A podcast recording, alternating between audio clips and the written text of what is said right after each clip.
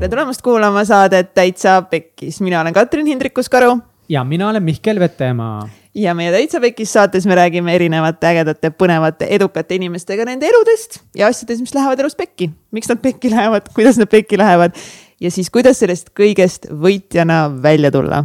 jaa tänases yes. saates otse teie jaoks, otse teile, sulle, sulle., ei sulle, mitte teile, sulle sulle on Jake Farro uh!. Uh. Uh. Jake Farra on tunnustatud Eesti fotograaf. vot, ja peale selle ta on hinnatud nii Eestis kui ka välismaal. Boom. lisaks fotograafiale siis äh, see mees äh, tegeleb äh, investeerimisega. ma kohe räägin, põhimõtteliselt esiteks fotograaf, eks ole, rahvusvaheliselt tunnustatud era- ja ärisektorist teeb pilte. Ja ta ütles, et ta on pildistanud üksteist aastat ja ta on teinud üle kahe miljoni pildi, nii et. Äh, kütab, kütab, laseb. kuidas saada heaks, tee kaks miljonit pilti. jaa ähm,, ja siis ta elas vahepeal äh, Austraalias. jep ja seal, seal tal olid suured väljakutsed, räägime sellest äh, saates. ja mis ta veel on meil siin põnevat ja peamine ongi see, et ta pole kunagi alkoholi joonud, ta pole kunagi suitsetanud ja peamiselt talle meeldib peale tööd siis lugeda ja investeerida. Temal on investeerimises väga suured eesmärgid ja leiab, et see on üks õige tee elus. nii et temaga oli väga-väga kihvt äh, saade oli. ja, ülikoolis õppis ta reklaami ja imagoloogiat. ja elas ka pool aastat Hawaii'l vahepeal ja fun fact, ma õppisin ka reklaamimagoloogiat, aga mul ei ole varsti portfellis miljon euri, nii et äh, ma ei tea, mis ma valesti tegin. ilmselgelt kõik valesti. ilmselgelt. aga enne seda, kui lähete kuulama, juba kuulate. Lähed juba kuulama. juba kuulab. ei no jaa, aga tegelikult juba kuulab. ja, aga sa ütlesid, kuulad tee, lähed tee kuulama. ja, ja, ja, no see sind on ainult üks, on ju. sest äh,, sest oluline on see, kui sulle meeldib see, mis me teeme, nüüd sa näed pilti ka, mis on täiesti mind blowing siis toeta meid Patronis. Aga samas ma hakkan mõtlema, et need, kes kes videot vaatavad, need juba on Patronis, boom, vot, me just otsustasime täna, meil oli salvestus ja me Katsiga viis minti tagasi otsustasime, et äh, me paneme meie videod. Ainult Patroni, Kats on veits kah, kahtlane. ma olen natuke kahtlev veel, sest ma tahaks, et need jõuaksid hästi paljude inimesteni, sest nagu tore on näha päriselt nende inimeste emotsiooni ja kuidas me siin vahepeal lollitame ja nalja teeme ja, ja kuidas siin Johan Urb teeb meiega hingamisharjutusi, et uh,. see oli ülilahe, nii et kui tahad seda näha, siis patreon.com kaldkriips täitsa pekkis. see on tulemas järgmine nädal juba. oli praegu meie Patreonil, oh my god. oh my god, see on lihtsalt super, nagu ma ei või lihtsalt, minge andke kõik raha meile ära ruttu sest me oleme nüüd Youtube'is oma ühe kaameraga meil on veel aga, palju areneda. jaa, aga me tegime vabandust. selle sammu, see on see, et start messi, start ugly, lihtsalt hakka pihta, hakka tegema ja me lõpuks pärast teist hooaega mõtlesime, davai, üks kaamera püsti läheb. nii on nii on. ja kui sind see saade inspireeris, siis palun jaga seda vähemalt ühe oma sõbraga, jaga meid Instagrami story des, tag'i meid, meile hullult meeldib vaadata, kuidas te meie saateid kuulate ja siis meie saade jõuab rohkemate inimesteni ja rohkemate inimeste elud saavad muutuda julgemaks ja paremaks ja jõuavad oma unistustele lähemale. jagage head kraami, ärge hoidke endale. nii et äh, head kuulamist minu väga unikaalne ning äh, eriline sissejuhatus täna on tšau, Jake. tšau, tšau. tere tulemast saatesse. Äh, kas meie saates esimene fotograaf ametilt on nii, Mihkel? ma arvan küll. aa oh jaa, ma olin üünarnukki ära teiega sa nii erutasid selle peale, et meil on nagu professionaalne tunnustatud fotograaf täna stuudios, on ju, Mihkel? no väga tore on esimene olla. muidugi, absoluutselt, nii et uh, Jake. kuidas läheb? Väga hästi läheb, kiirelt teiselt. kiirelt, kas on ilus päev olnud? ma arvan küll jah, selles suhtes vihma ei saa ja päike enam-vähem paistab, nii et on väga ilus. no ma ei tea selle päikse osas, täna on meil esmaspäev siin augusti, augusti viimane päev või? jaa, kolmkümmend üks august jah. täiesti viimane augustipäev, ma olen suht äh, nagu, okei mitte suht, ma olen veits depressioonis, et suvi on läbi. seepärast, et suvi on nii soe ja ilus ja, ja ma lihtsalt tean, see, mis on tulemas, on nii jama mm., pikk pikk kuus kuud sügist. veel talvega kuigi mulle endale vist äh, sügis meeldibki kõige rohkem, minu arust siis inimesed panevad just äh, väga ägedalt riide ennast ja saab palju rohkem nagu oma isikupära välja anda. Näeb kuidagi ägedam välja kui suvel lihtsalt mingid plädad ja shortsid ja T-särk vaata, see on see kunstihing, eks ole, mina esiteks, ma ei oska ennast väga hästi riidesse panna. mulle meeldib suvel, kus ma saan panna lühkard ja T-särgi, siis ma olen nagu covered, sest ma olen näinud ka, kui stiilselt kõik noormehed, neiud käivad sügiseriides, ma ei oska nii ilusti riidesse panna. pluss sääred on kõik peidetud mm.. see on big no-no. sinu sääred on peidetud, sellepärast oled kurb, jah? mm -mm. teiste, ma vaatasin, Jake, just ülilahedat videot sinust, ma mainisin ka. mina pilt Mm -hmm. see oli nii nagu huvitav video, aga ma ei leidnud ühtegi teist mina pildi videot, kas sinust tehti unikaalne lühifilm või? jaa, see oli jah, ma ei tea ka, et kellegi teisest, teisest oleks tehtud, et see oligi minu lugu põhimõtteliselt. okei okay., kuida-, lihtsalt keegi tuli sinu juurde ja ütles, et äh, teeme sinust? jaa, äh, üks äh, tüüp, kes tegi mulle stuudiosse meigilaua ehitas, siis ta, tal oli vist vaja, kas BFM-is oli vaja teha mingi proovitöö ja siis ta otsustas minust hea selle mm. -hmm põhimõtteliselt meie tänane podcast on täpselt see, mis sa mahutasid viie minutisse ära, nüüd meil on suht nagu challenge, sa rääkisid kõik asjad ära viie minutiga. põhimõtteliselt, vaata seda ja. oli tore kohtuda.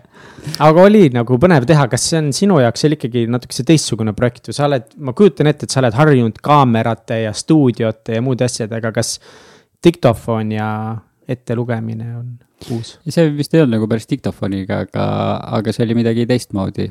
mulle meeldib äh, ennast äh, mugavustsoonist välja lükata ja proovidagi midagi uut. sama nagu siia tulek oli ka minu jaoks sihuke, et äh, mõtlesin, et ma ei teagi, kas mul on midagi üldse rääkidagi, et äh, aga midagi on, sest siin ma olen, siia te kutsusite mind. ma pigem jah, see oli samamoodi sihuke väljakutse ennast panna jälle kaamera ette ja proovida midagi teistmoodi, olla nagu videopildis siis sest on, mõnikord on nagu raske uskuda või jah, raske uskuda, et näiteks samamoodi inimesed nagu sina, et sa oled olnud noh, ikkagi avalik elu tegelane, nii paljud inimesed teavad sinu nime, Jake Farra mm. -hmm. sa oled nii kuulus, mis, mis tass meil siin praegu, jumala häirib mind. oh, ikka aa, minu tass, meil tassid vahepeal värisevad, palun vabandust, kallid kuulajad. minge vaadake Youtube'is meie videost, siis Mihkel võttis mu kohvitassi, tõstis, alustas seda maha nagu lihtsalt lambist. ei oot, nii, mul oli jumala, jumala hea äh, oluline mõte, mida tahtsin öelda, et vahepeal tundub raske uskuda, et näiteks sulle mingid asjad nagu ebamugavad või kuidagi, et noh, et näiteks podcast'i tulemine sinu jaoks on mugavustsoonist väljatulek, et. sa ju oled ju nii paljude kuulsate inimestega koos, sa pead nendega suhtlema, rääkima, vaatasin, et SEB-s sa oled teinud isegi mingisuguseid intervjuusid, et mm. -hmm. aga see on ka jälle samamoodi mugavustsoonist väljalükkamine, et äh, minu jaoks tuli sihuke võimalus äh,, mõtlesin, et ma proovin, ma ei ole kunagi viinud nagu otseselt äh, sihukest asja läbi, et olla ise intervjueerija rollis, siis mm -hmm. see oli jälle midagi teistsugust, mida nagu katsetada. miks sa tahad mugavustsoonist väljas olla? ma arvan, et see on ainuke võimalus, kuidas inimene areneb edasi. et äh, sa pead nagu uusi asju tegema, et kui mõelda näiteks vanemate inimeste peale, siis mulle tundub, et nende nagu kasv jääbki kuskil seal seisma, kus nad enam ei taha uut asja teha. ja, ja ma püüan seda endale iga päev meelde tuletada, et ma ei taha ise vanaks muutuda nii-öelda. vanaks muutuda. kas ka, siis, kas Jake on tegelikult hinges introvert? ma arvan äh, nii hinges kui välimuselt kõigelt. pigem, pigem introvert, aga ma püüan hakkama saada ekstraverdi maailmas. aga ei ütleks küll nagu selles mõttes. Või kas inimesed, kes kohtuvad sinuga tegelikult, kas nad saavad sellest aru või sa panedki ennast kohe sellesse ekstraverdi rolli ja sa oledki hästi, noh, kui sa ju teed pilte, sa pead inimesi suunama, ütlema neile, mida nad teevad, kas nad saavad nagu, nad ei saa tegelikult aru mitte midagi? pigem ma arvan, et ei saa jah, õnneks need ei ole nagu nii pikad äh, koosolemised ka selles suhtes. Mida pikemaks see nagu periood, kus ma ütleme siis inimest pildistan, läheb, seda raskem tegelikult on seda maski nagu hoida aga pigem jah, oma loomult ma olen introvert, ma pigem hoian inimestest eemal, oleks kuskil metsas ja omaette või siis oma lähedastega, aga nagu massi sees või võõraste inimestega palju nagu koos olemist pigem väsitab üliveider dünaamika selles mõttes, et sa selles mina pildi videos ja vaadake kõik seda, otsige Youtube'ist üles, see oli hästi sihuke kuidagi liigutav. see on sihuke kurb mm -hmm. muusika taga ja sa räägid lühikeste no, lausetega sügavaid, sügavaid mõtteid. aga seal samamoodi ütled, sulle meeldib pildistada inimesi, et mm -hmm. inimesed on huvitavad, aga ometigi sa ei taha inimestega palju aega koos veeta yeah,. see on korralik paradoks mis värk sellega on ma ei tea, nagu selles suhtes, kui sa pildistad tooteid, siis see jääb nagu igavaks, inimene on ikkagi huvitav ja ta annab sulle, aga samas mulle tundub, et inimesed ka võtavad väga palju sult ära, et oleneb, missugune see energiavahetus teie vahel on, et mõne inimesega sa pildistad ja sa saad nagu väga palju tema poolt ka juurde endale ja see annab sulle energiat. mõne inimese puhul sul läheb kogu energia ära ja sa ei saa mm -hmm. midagi vastu. kas sa arvad, et on ka, kas oskad öelda, on mingeid ka teisi rolle või olukordasid, kus on kasulik just nii-öelda nende maskide kasutamine, et sa ütled ka seal videos, et et just äh, nii-öelda sul on need erinevad maskid ja mingid maskid tuleb ette panna, et, et nagu kui öelda, et kellelgi on mingi mask, siis see kõlab võib-olla natuke sihukese nagu negatiivse konnotatsiooni kuidagi, et ah, et tal on mingid maskid, aga samas võib-olla elus on meil maske vaja, mis sa nagu arvad sellest maski ma asjast? ma arvan, et tegelikult ükskõik milline näiteks klienditeenindustöö vajab ju maski, et kui sul on nagu halb tuju ja sa teenindad klienti, siis sa ei saa seda halba tuju kliendile välja näidata, et sa pead jätma mulje ikkagi, et kõik on hästi ja, ja sina oled tore ja, ja sa ei saa nagu jah, sa ei saa seda negatiivsust nagu välja nii-öelda lasta endast. Äh, ma arvan, et sihukestes töödes on kindlasti vaja sihukest maski kandmist.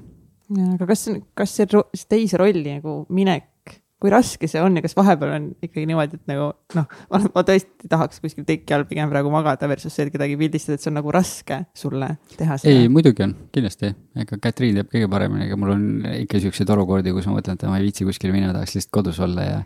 aga siis sa lihtsalt äh, sunnidki ja lihtsalt lähed teed ja ma arvan, et see on samamoodi ka nagu mugavustsoonist väljaviimine ja ka nagu edasiliikumine, et sa pead lihtsalt ennast äh,, ma ei tea, kas siis muutma või suruma edasi kuskile ja see on nii, nii huvitav, sest ma usun, et nagu päris paljud on oma mugavustsoonis nii kinni ja see, et minna oma mugavustsoonist välja ja teha nagu veel suhteliselt igapäevaselt midagi, mis on sulle väga raske, siis enamus inimeste jaoks on see ikka nagu noh, pigem nad ei tee seda. et kus -hmm. kus sul see sinult see sisemine jõud või tahe nagu tuleb teha neid asju, sama hästi sa võiksid ju, ma ei tea, arvutis lihtsalt, ma ei tea, kellegi teise pilte töödelda või noh, mis iganes muid töid teha, kus ei peakski välja minema üldse kodust ma ei teagi, kus see nagu, kus see põlemine tuleb.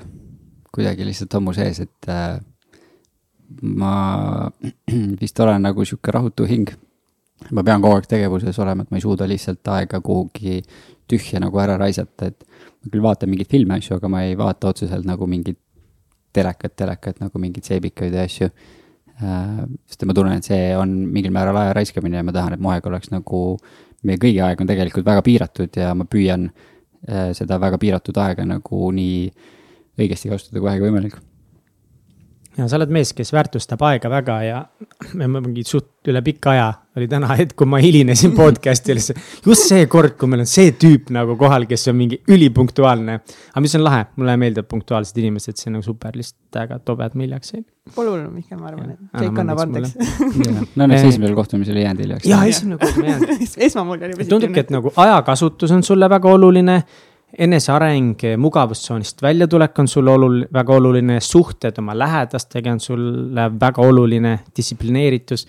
aga korra just veel seesama, see, see nii-öelda maskide ja, ja nii-öelda õppimine sellest, et olla ekstrovert, et äh, mingis olukorras mingit rolli mängida, kuidas sa seda harjutasid, kuidas seda õppinud oled?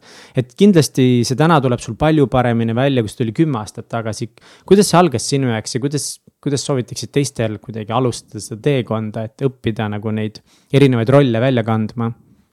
ma arvan, minu jaoks nagu kõige suurema tõuke sellele pani siis, kui ma olin Austraalias äh, ja pidin seal pildistama ühes fotostuudios, et sealne nagu see töökultuur on hoopis teistsugune, et seal, kui me pildistasime stuudios, siis meile õpetati, et me peame kliendiga kogu aeg silmsidet hoidma, meil ei tohi kordagi nagu silmside ära minna. ja kui me pildistame, siis me ei tohi kordagi kaamerat vaadata ja kogu aeg peab põhimõtteliselt nagu jutt käima. see on väga sihuke teistsugune äh, olukord, mis Eestis oli, et Eestis sa teed pilte, on ju, võib-olla vaatad pilte, siis suht noh, on palju nagu vabam või kuidagi ei ole nii intensiivne aga seal pidi see väga intensiivne olema. ja ma arvan, et tänu sellele nagu on see mulle ka kinni jäänud, et see mindset, et äh, kui klient ikkagi tuleb su juurde, on ju. ta, ta küll tuleb neid pilte saama, aga põhiasi on ikkagi see emotsioon, mida ta sealt saab ja sa pead andma talle selle hea emotsiooni ja hea emotsiooni sa annad, kui sa hoiad seda energilisena, ma arvan, kui sa, kui ta tuleb sinu juurde, sa oled melanhoolne ja kuidagi negatiivne, siis see ei tööta mega kontrast nagu Eesti ja, ja Austraalia stiilide vahel. aga kuna juba sa tõid Austraalia mängu, siis äh, võib-olla see ongi hea koht, kus teha siis kerge segway sinu üldse fotokarjääri alguses, et. Äh, et me oleme kuulnud ja sa ise rääkisid ka meile, et siis sinul ema oli see, kes soovitas sul lihtsalt noorena hästi palju erinevaid hobisid katsetada, et sa siis avastaksid, mis sulle võiks meeldida. kuidas mm -hmm. see hobide avastus teekond sul läks? proovisingi erinevaid asju, et enne, enne fotoga alustamist äh, mängisin pool aastat kitarri, käisin siinsamas lähedal Kullos tegelikult isegi õppimas. aga ma tundsin, et ma ei saa nagu nii heaks, mu näpud ei paindunud või ma ei tea, ei olnud nagu nii, ma ei olnud, ma ei tundnud, et ma olen nii tugev selles. ja siis ma müüsin äh, selle kitarri maha ja ostsin selle eest endale esimese sihukese väiksema peegelkaamera. ja ma hakkasin pildistama, pildistamine mulle meeldis, panin mingeid asju ülesse tundus, et nagu teistele inimestele ka meeldis ja siis sain selles natuke nagu osavamaks. ma hakkasin teise pilguga vaatama nagu teiste inimeste pilte ja siis tol ajal oli vist Orkut ja Reit oli teemaks. ja siis ma vaatasin, et inimeste nagu äh, pildid või see visuaalne identiteet, mida nad endast annavad, on üsna kehv ja siis ma mõtlesingi, et ma tahaks olla see, kes äh,, kes äh, hakkab seda parandama mingil määral ja, ja siis ma hakkasingi pildistama algselt nagu üritusi, sest mul ei olnud sihukest äh, portfooliot nagu ette näidata, et a la peresi või portreepilte teha. aga üritusel oli sihuke kerge võimalus äh, nagu foto, fotograafia maailma sisse pääseda. ja ma mõtlesin, et kui ma alustan nagu ürituste pildistamisega, sealt sa saad väga palju tutvusi, mis aitavad nagu hiljem jälle siis äh, liikuda edasi näiteks portreede või perede pildistamiste peale. ja pildistasingi mingi paar aastat neid äh, üritusi. ööklubides käisid ka pildistamas? käisin ööklubides. kui vana sa olid siis? põhimõtteliselt nii, kui ma kaheksateist sain, tegelikult ma natuke alustasin juba enne varem, mingi seitseteist pool vist olin, kui ma sain esimestesse klubidesse juba pildistama sisse. ja, ja ma pildistasingi mingi paar aastat pildistasin, siis ma läksin Hawaii'le. olin seal natuke alla poole aasta, pildistasin seal samamoodi ööklubides ja, ja tegin mingeid muid nagu lihteid. oot, aga oot-oot, nii tõmbame kohe nagu paar sammu tagasi, hakkasid ööklubis pildistama, kas see oli siis nagu see, kas see oli sinu esimene sihuke päris töö fotograafina, kas see oli kõik see, mida sa olid ette kujutanud? olla äge fotograaf mm,? ma ei mäleta, kas mul üldse oligi mingisugust otseselt ettekujutust, et milline mm -hmm. see fotograafi töö nagu olla võiks, et äh, miks ma nagu klubidesse pildistama sain, oli võib-olla see, et eelnevalt ma töötasin äh, jõhvikana. ehk siis jõhvikas on see, kes äh, on baari abi, kes aitab siis pudeleid ja klaase kokku korjata ja viib barmenidele et ma olin seda teinud ja, ja ma nägin kõrvalt nagu teisi fotograafe, kes klubides pildistasid, siis mulle tundus, et see on veidi nagu vabam töö, kui kuskil kellegi järgi taarat korjata kas sa võrdlesid ennast ka teiste fotograafidega, et mida nagu teised teevad, et kas sa pigem kopeerisid teisi või sa pigem vaatasid, et kus on teistel puudujääk ja mida sa peaksid teistmoodi tegema? Äh, vaatasin küll teisi selles suhtes, et ma ei tea, kas ma otseselt nagu kopeerisin, aga ma nägin, et äh, et need pildid võib-olla ei olnud nagu kõige paremad, mulle tundus, et mõned pildid või mõne fotograafi pildid ei olnud äh, pannud võib-olla siis seda pildistatavat äh, number üheks, et seal oli nagu pilte, kus inimeste silmad olid kinni või nad olid nagu väga ebaadekvaatses olekus. minu eesmärk pildistades oligi see, et, et ma annaksin inimestele võimaluse nagu siit saada kasvõi endale hea pilt, mida kasvõi enda profiilipildiks siis kasutada. ja tagada sihukest head kvaliteeti. jah aga kas sinu, kuidas sinu tööeetika äh, tollel ajal oli, näiteks kui sööklubides pildistasid mm? -hmm.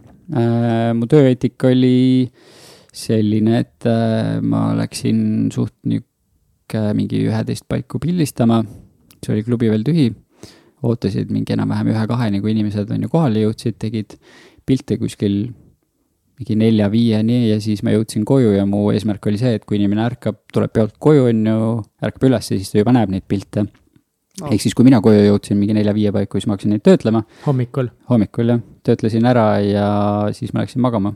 ja siis ma läksin kas kooli või jah, vist oli kool, oli too aeg. väga, väga crazy, ma olen eh, ise ka nagu töötanud meelelahutuses baaridaamina ja see nagu öine töö nagu huh. ma ei kujuta ette, et kui sa veel töötad ära nagu ja siis, ja siis lähed koju mitte magama, vaid sa lähed veel nagu tööd tegema, see tundub nagu, see tundub ikka, ikka päris suur väljakutse ja siis sa käisid veel koolis ka samal ajal.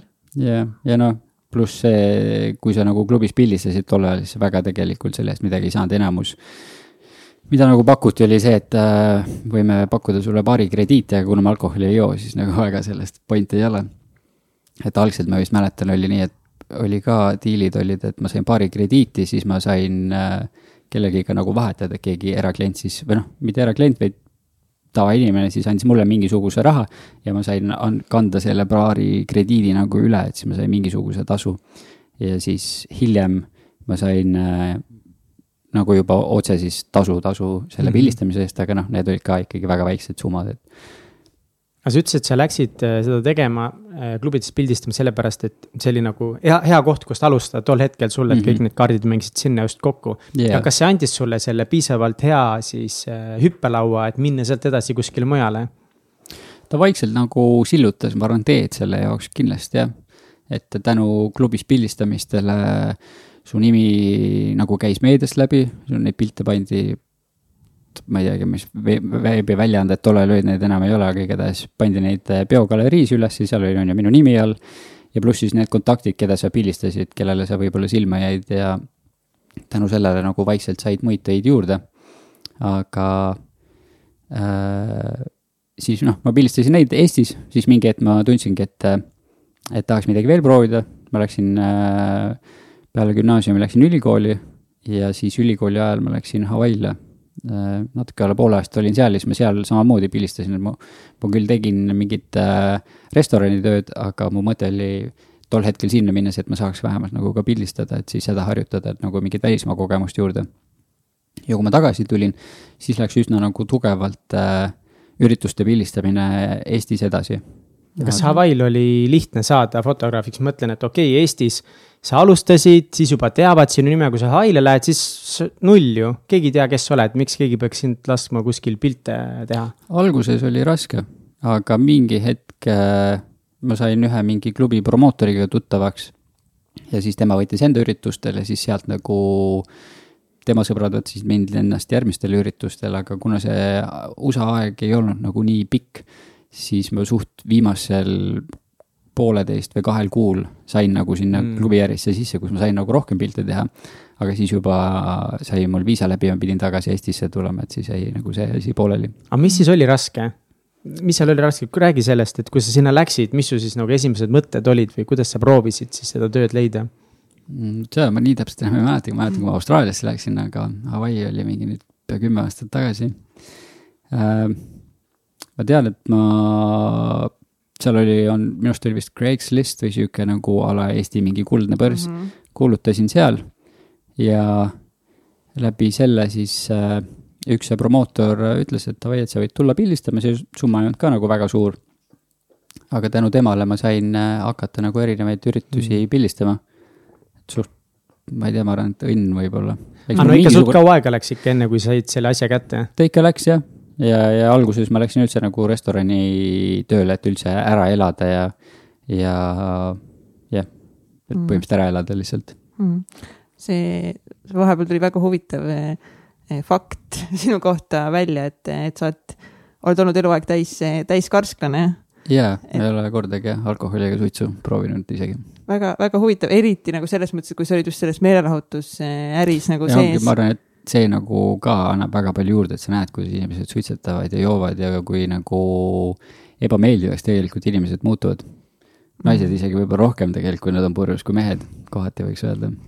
muutuvad peale, peale, peale tükkivaks ja väga, väga huvitavaks yeah., olen isegi saanud nagu näha seda. aga kas sellel on ka mingi muu põhjus, kas sa natuke avaksid meile ka enda, enda lapsepõlve, et milline su lapsepõlv oli? Uh, mu, aus vastus on see, et ma väga nagu ei mäleta oma lapsepõlvest. Äh, ma olen oma kaaslasega juurelnud selle üle, et miks mul nii on. tema tees on, et mu lapsepõlv ei ole nagu turvaline olnud, et seetõttu ma ei mäleta, aga ma ise sajaprotsendiliselt ei tea. et äh, äh, ma ei tea, selles suhtes, et mu suitsu osas ma tean, näiteks mu vanaisa väga palju suitsetab äh,. Ma arvan, et sealt võib-olla jäi sihuke nagu plokk sisse mistõttu ma tundsin, et mina nagu seda teha ei taha, sest et ta kogu aeg nagu tossas. Äh, ta sai veel kopsuvähi, ravis selle ära, suitsetab ikka edasi. et nagu äh, see on nagu sihuke märk minu jaoks, et, et ei ole nagu mõtet äh, sihukese asjaga tegeleda. ja samamoodi nagu üritustel, kui sa pildistad tol ajal siis, kui ma alustasin klubides pildistamist, siis minu arust väga nagu äh, need piirangud ei olnud nagu nii, et sul peab olema eraldi suitsuruum, vaid inimesed said ka tegelikult nagu klubis sees suitsetada teatud klubides.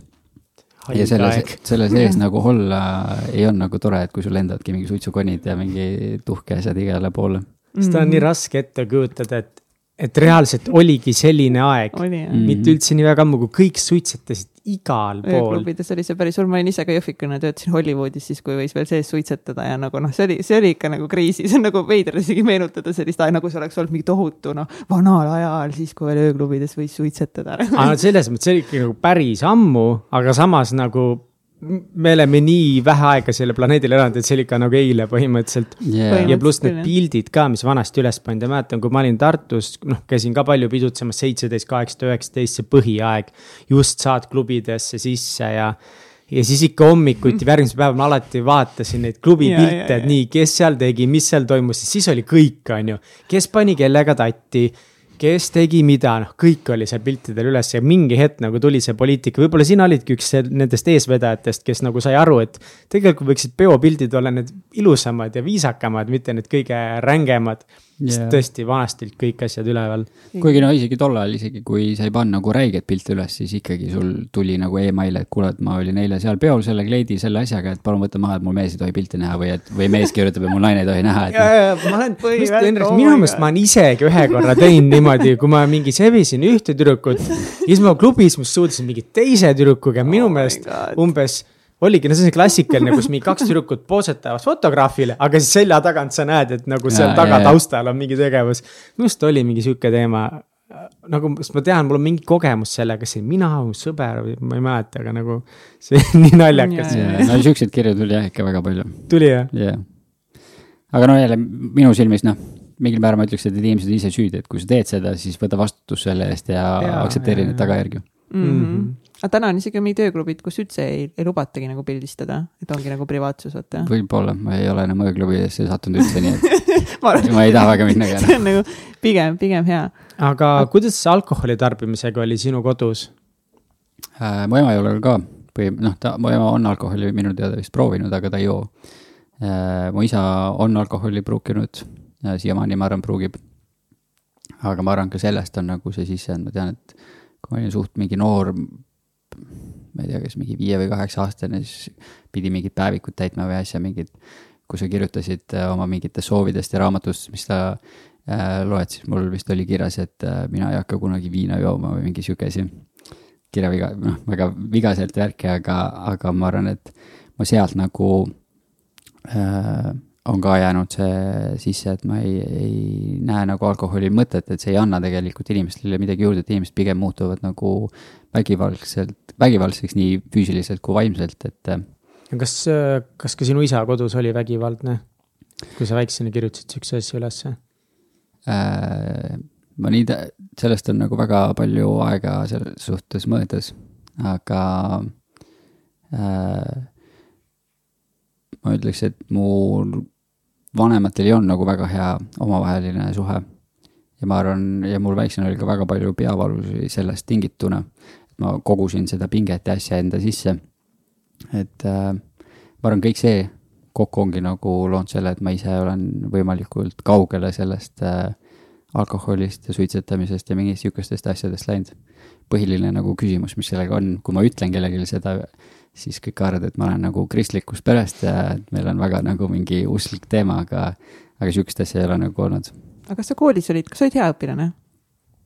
koolis ma olin äh, pigem jah, hea, kuni ma arvan äh, sihukese gümnaasiumi viimaste äh, klassideni, sest siis ma mõistsin, et tegelikult need tunnid nagu, mis sul seal perioodide kaupa pannakse, et need ei tähenda tegelikult mitte midagi. ja siis, kui ma nagu selle, silmad avanesid nagu selle osas siis ma lasin rohkem mingi kolmesi ja neljasi sisse, aga muidu oli mul jah, siuksed neljad-viied ikkagi. aga tänu sellele, et ma ei joonud, siis mul ei olnud ka väga palju nagu sõpru, et ma mingitele üritustele mind kutsuti, aga kuna ma ei olnud sihuke pidutseja, siis need nagu lõpuks kadusid ka ära mm. -hmm. aga kas see, kas see mõjutas ka nagu sinu, ongi kogu seda tööeetikat ja kõik, et võib-olla kodus ei olnud nagu eh, kõige paremad suhted vanematel, et sa tahtsidki nagu elada teistsugust elu ja olla nagu teistmoodi eeskujuks näiteks Võib-olla. oma vennale? mul äh, väike vend on ka, ma arvan, mul on praegu on kaks venda tol ajal oli siis üks vend. Äh, et äh, eks ma kindlasti tundsin mingil määral, et ma olen talle nagu eeskuju, ja et kui mul läheb lappama, siis läheb tal ka, et ma ei saa nagu sihukest asja kindlasti lubada. on päris suur surve nagu väikesele poisile, just see, et kui sa tunned, et sina pead olema nüüd see eeskuju.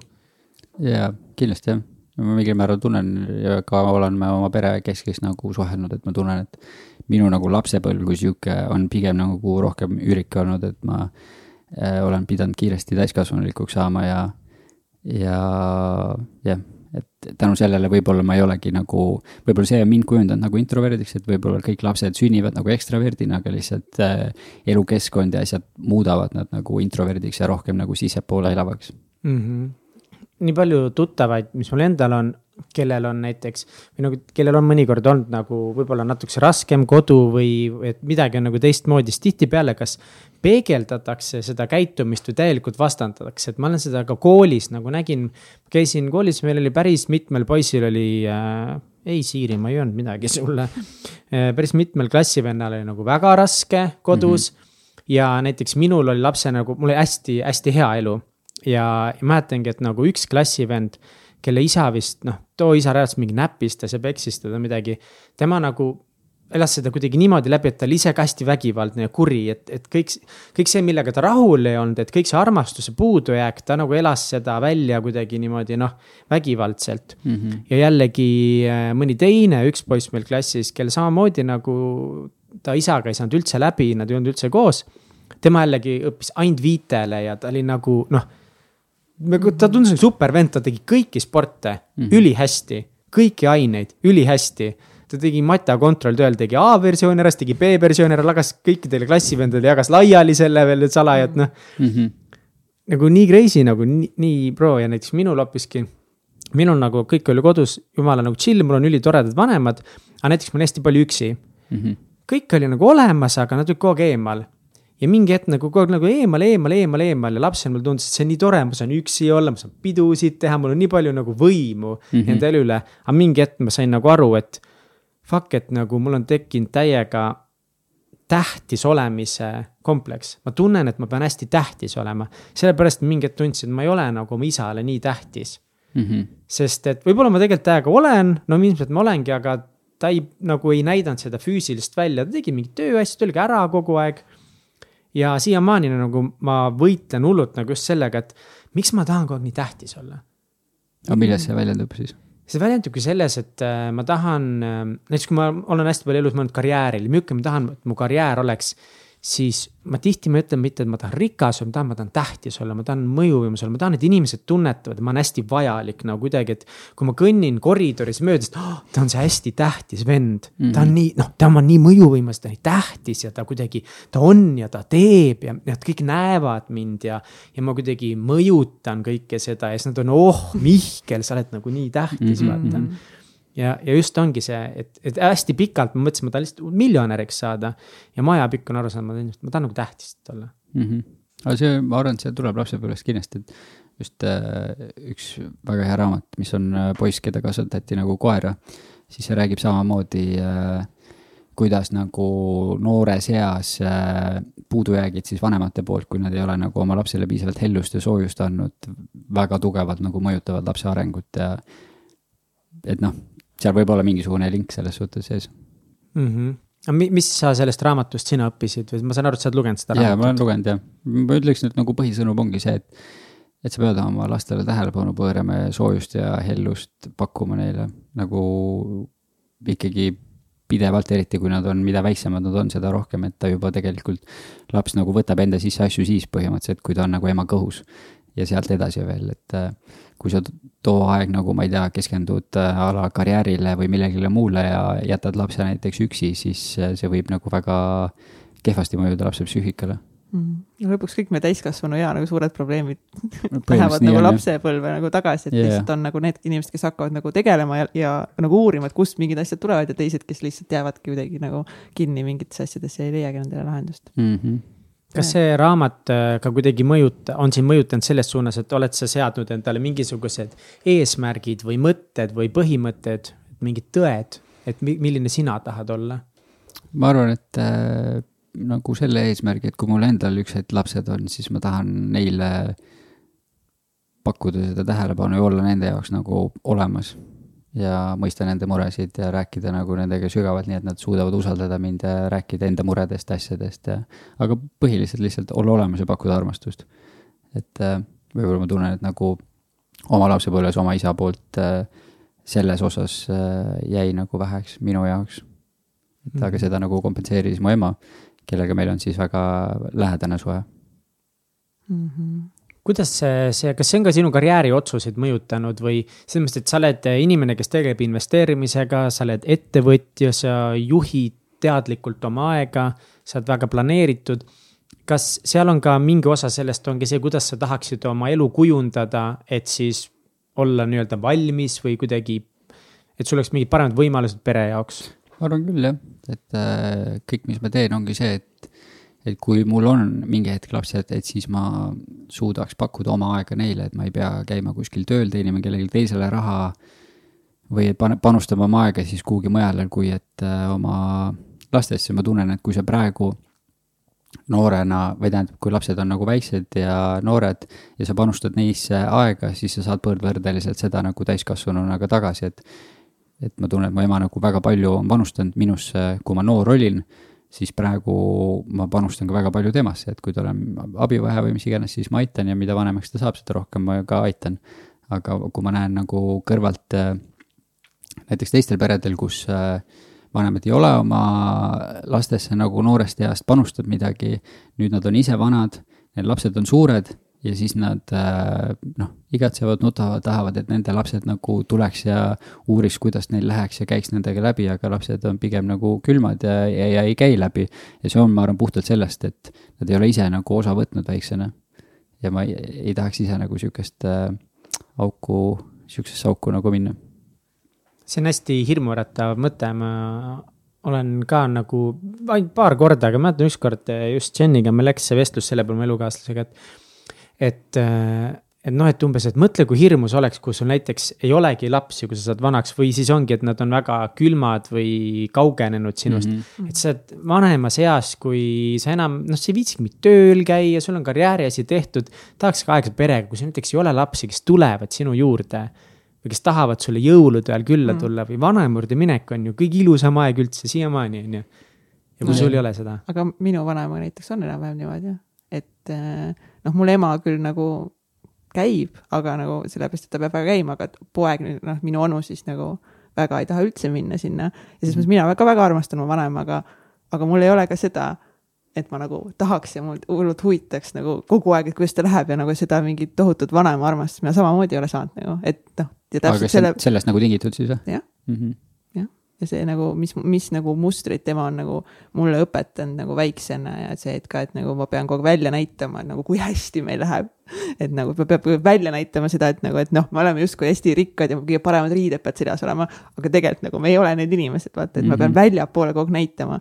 et sealt on tulnud nagu väga suured sellised mõttemustrid nagu ja muud asjad ka, et nagu lihtsalt noh, ja väga ei tahagi nagu ja see ongi väga kurb mm. -hmm nagu ise küll väga ei tahaks. see ongi, ma nagu ei tahaks ise leida ennast äh, vanast peast sellises olukorras, sest äh, nagu raha tuleb ja raha läheb ja materialism nagu tuleb ja läheb, aga, aga ma arvan, et see, kuidas sa nagu edasi lähed, ongi läbi su laste ja kui sul neid ei ole, siis põhimõtteliselt ma ei tea, mis sa üldse teed siin elus tegelikult mm. -hmm aga täna sul lapsi veel ei ole, aga ma kujutan ette, et mingisuguseid selliseid äh, paremini läbisaamise tööriistasid ja protsesse oma elukaaslasega teed ikkagi, et mis on mingid äh, asjad, mida sa oled õppinud koos elamise kohta äh,? nii veider et... küsimus oli see, see ülessõnastus oli mingi, hull tahtsin mingi segway sisse juhatada, see oli nii veider ma arvan, et äh, kõige tähtsam asi on äh, koostöö ja suhelda, kommunikatsioon, et äh, kui sul nagu kommunikatsiooni ei ole, siis see on nagu kõige, ma arvan, murede algpõhjus. kui sa suudad oma kaaslasega rääkida asjadest ja kommunikeerida nagu enda vajadusi ja kuulda tema vajadusi, siis on nagu kõigest võimalik üle saada. et me Katriiniga näiteks siin just äh, hiljuti tegime äh, sihukese nagu äh,, mitte nagu ülesande, aga lihtsalt sihukese harjutuse läbi, et kus me panime kirja, et äh, mis äh, ma arvan, et äh, minu nagu ajakasutus on ja mis tema arvab, mis tema ajakasutus on ja siis, mis ta, mina arvan, milline on tema ajakasutus ja tema panin siis kirja, et mida tema arvab, milline on minu ajakasutus. ja see on nagu sihuke huvitav äh, harjutus, et näha, kuhu siis su aeg läheb, äh, kus sul võib-olla on puudujääk ja kus sul on võib-olla liiga palju aega panustatud. ja meie nagu nägime, et me enam-vähem hoomame, kus meie mõlema ajad lähevad ja kus. Äh, aga kuidas ikka tegelikult oli, no mis, mis tegelikult välja tuli?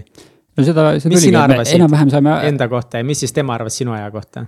no põhiline, enamus oli sama, põhiline erinevus oligi lihtsalt selles, et äh, minu enda isiklik aeg on, kui ütleme, et sa jaotad oma aja, ütleme enda isiklikuks ajaks, töö peale, suhete peale, kohustuste peale ja siis kellel on lapsed, kui ma arvan, lapsed eraldi välja tuua, siis minul tuli välja see, et mu enda isiklik aeg on nagu praktiliselt null, et mul seda ei ole, et ma panustan väga palju aega töösse, rohkem kui ma oleks nagu arvanud ja, ja suhtesse vähem, kui ma oleksin arvanud aga tänu sellele on võimalik nagu neid mm -hmm. korrektuure teha mm. -hmm. aga kas te otsustasite seda harjutust teha siis, kui te saite aru, et okei okay,, et teil võib-olla ei ole suhtes üksteise jaoks piisavalt aega või te pigem ennetasite? pigem ennetasime, et jah, et see, sõime lihtsalt köögilaua taga tuli lampi mõte, et proovime sihukest asja, vaatame, mis saab ülilahe, sest tavaliselt on ikka see, et ennem on eh, pekkis yeah. ja siis, et. või see okay. hakkab pekki minema, kas on väga pekkis või on teel sinna või et siis hakatakse nagu mingeid lahendusi otsima, aga just, et nagu ennetada seda ja see on yeah. nagu, see on väga lahe. see on nagu mõistlikum jah, sest et pärast nagu probleemi lahendama hakata, see võtab palju rohkem energiat ja ressurssi, ma arvan. aga kas te võtsite mingeid konkreetseid otsuseid ka pärast seda vastu, et sa vaatasid, ohoh, et ma nagu ei võtagi seda aega ja nüüd ma peaks hakkama kuidagi nagu teistmoodi tegema uh,? no ma saan enda osas rääkida mm, -hmm. et mina võtsin vastu selle otsuse, et ma püüan rohkem panustada suhtesse, et teha rohkem koos asju, mingeid värke uh,. ma võtsin vastu otsuse, et ma teeks vähem tööd, aga seda ma ei ole täitnud veel põhimõtteliselt aga vähemalt ma tean nüüd, et see on nagu paberi peal kuskil kirjas olemas. et see on liiga palju ja see tiksub mul kogu aeg nagu taga peas kuskil, et ma pean nagu sellega tööd tegema mm. -hmm. aga kas see on hea? äkki sa tahadki nii palju tööd teha äh,? Mingil määral jah, ma tahan kindlasti tööd teha, aga siis ma pean endale nagu meelde tuletama, et kui ma nüüd homme ära suren, et kas ma siis olen õnnelik selle üle, et ma tegin mingeid kliente, töötlesin arvutis silm punnis. või ma olin oma kaaslase või perega kuskil väljas ja ma ei tea, rääkisime juttu või tegime koos midagi, siis kui ma panen asjad nagu niimoodi perspektiivi, siis mulle tundub, et äh, nagu sellel töö tegemisel ei ole väga pointi. et ma pigem mm -hmm. väärtustan seda aega, mis mul lähedastega on. täiega hästi ütlesid praegu. kui hakkasin mõtlema. Suur, surivoodil jah, keegi vist väga ei et ma ma soovin, et ma oleksin rohkem tööd teinud, vaid yeah. pigem just seda, et ma soovin, et ma oleksin rohkem oma lähedastega aega veetnud me lihtsalt nagu, me ei mõtle nagu reaalselt selle peale nagu paljud, et nagu noh, päriselt me nagu sureme ära varsti. noh, kellel, kellel eh, kiiremini, kellel aeglasemalt, aga noh, selles mõttes keegi ei garanteeri meile homset päeva. jaa, sest äh, siin märtsis just mul kasuisa suri ära ja temal oli see, et äh, ta nagu, mõte oli see, et kogu aeg on kiire ja et ta hakkab pensionina, pensionis tegema erinevaid asju, et ta kogus mingit muusikat, asja, aga aga siis äh, tuli nagu ootamatult öösel süda põhimõtteliselt ütles lihtsalt ülesse. ja, ja siis see on ka sihuke asi, mis paneb nagu asjadele mõtlema, et nagu ta oli mingi viiekümne, noh, ei olnud väga vana, viiekümne mm, ringis niimoodi. väga noor. ja et, et see võib nagu väga ootamatult tulla. jah. Käts on öelnud, et äh, sinu äh, elu, elu, väljakutsed, elukutsed et äh, sinu väljakutsed, mis sa ise tõid ka, et inimeste ees esinemine, ekstravertne olemine, et see on ikka väljakutse sul küll. ja ta hullult imetleb, kuidas sa aega planeerid. aga kuidas sa planeerid siis oma aega? ja kas sa oled olnud alati hea ajaplaneerija või, või on võimalik õppida aja planeerimist äh,? Ma ise nagu ei näe, et ma midagi erilist teen, et ma lihtsalt, kui mul tuleb klient, siis ma panen selle endale kalendrisse kinni, kirja ja planeerin kogu oma ülejäänud elu põhimõtteliselt ümber selle no et, nii, kuidas see käib, juba mingi asi, mida mina näiteks ei teinud? no sama näiteks, et kui meil on täna see podcast, meil on see sellest kellaajast selle kellaajani, siis ma tean, et mul eelnevalt saan mingeid asju teha ja ma planeerin mingeid muid asju peale seda. et mul ei ole nagu nii täpselt pandud, et ma täna see kellaaeg tõusen, teen täpselt seda, viisteist minutit joogat, siis seda, seda, seda, seda, vaid pigem mul on nagu mingid suuremad asjad, ehk siis töö on ju, et mul on sellel kellaajal see klient, sellel kellaajal see klient. Ja siis äh, äh, ümber selle nagu paigutan äh, oma muu ajagraafiku. Ja kui ma töötlen pilte, siis ma püüan nagu, ma saan, noh, kuna ma olen nii kaua juba töödelnud, ma saan seda suht nagu autopiloodil põhimõtteliselt teha, et ma saan samal ajal vastata meilidele või siis samal ajal äh, kuuladki mingeid podcast'e või loed midagi juurde, et et sa saad seda ühte tundi nagu veel nagu pooleks lõigata põhimõtteliselt ja veel pooleks lõigata. Hmm.. see on huvitav, ma just tahtsin tahtsin, enne kui sa selle viimase fakti välja tõid, küsida, et, et sa oled tõenäoliselt siis hästi fokusseeritud nendesse tegevustesse, et sa ei lase nagu teistel asjadel tulla sinna vahele, vaid sa teedki seda ühte asja. aga nüüd tuleb välja, et sa teed, töötled ja, ja loed email'e ka samal ajal.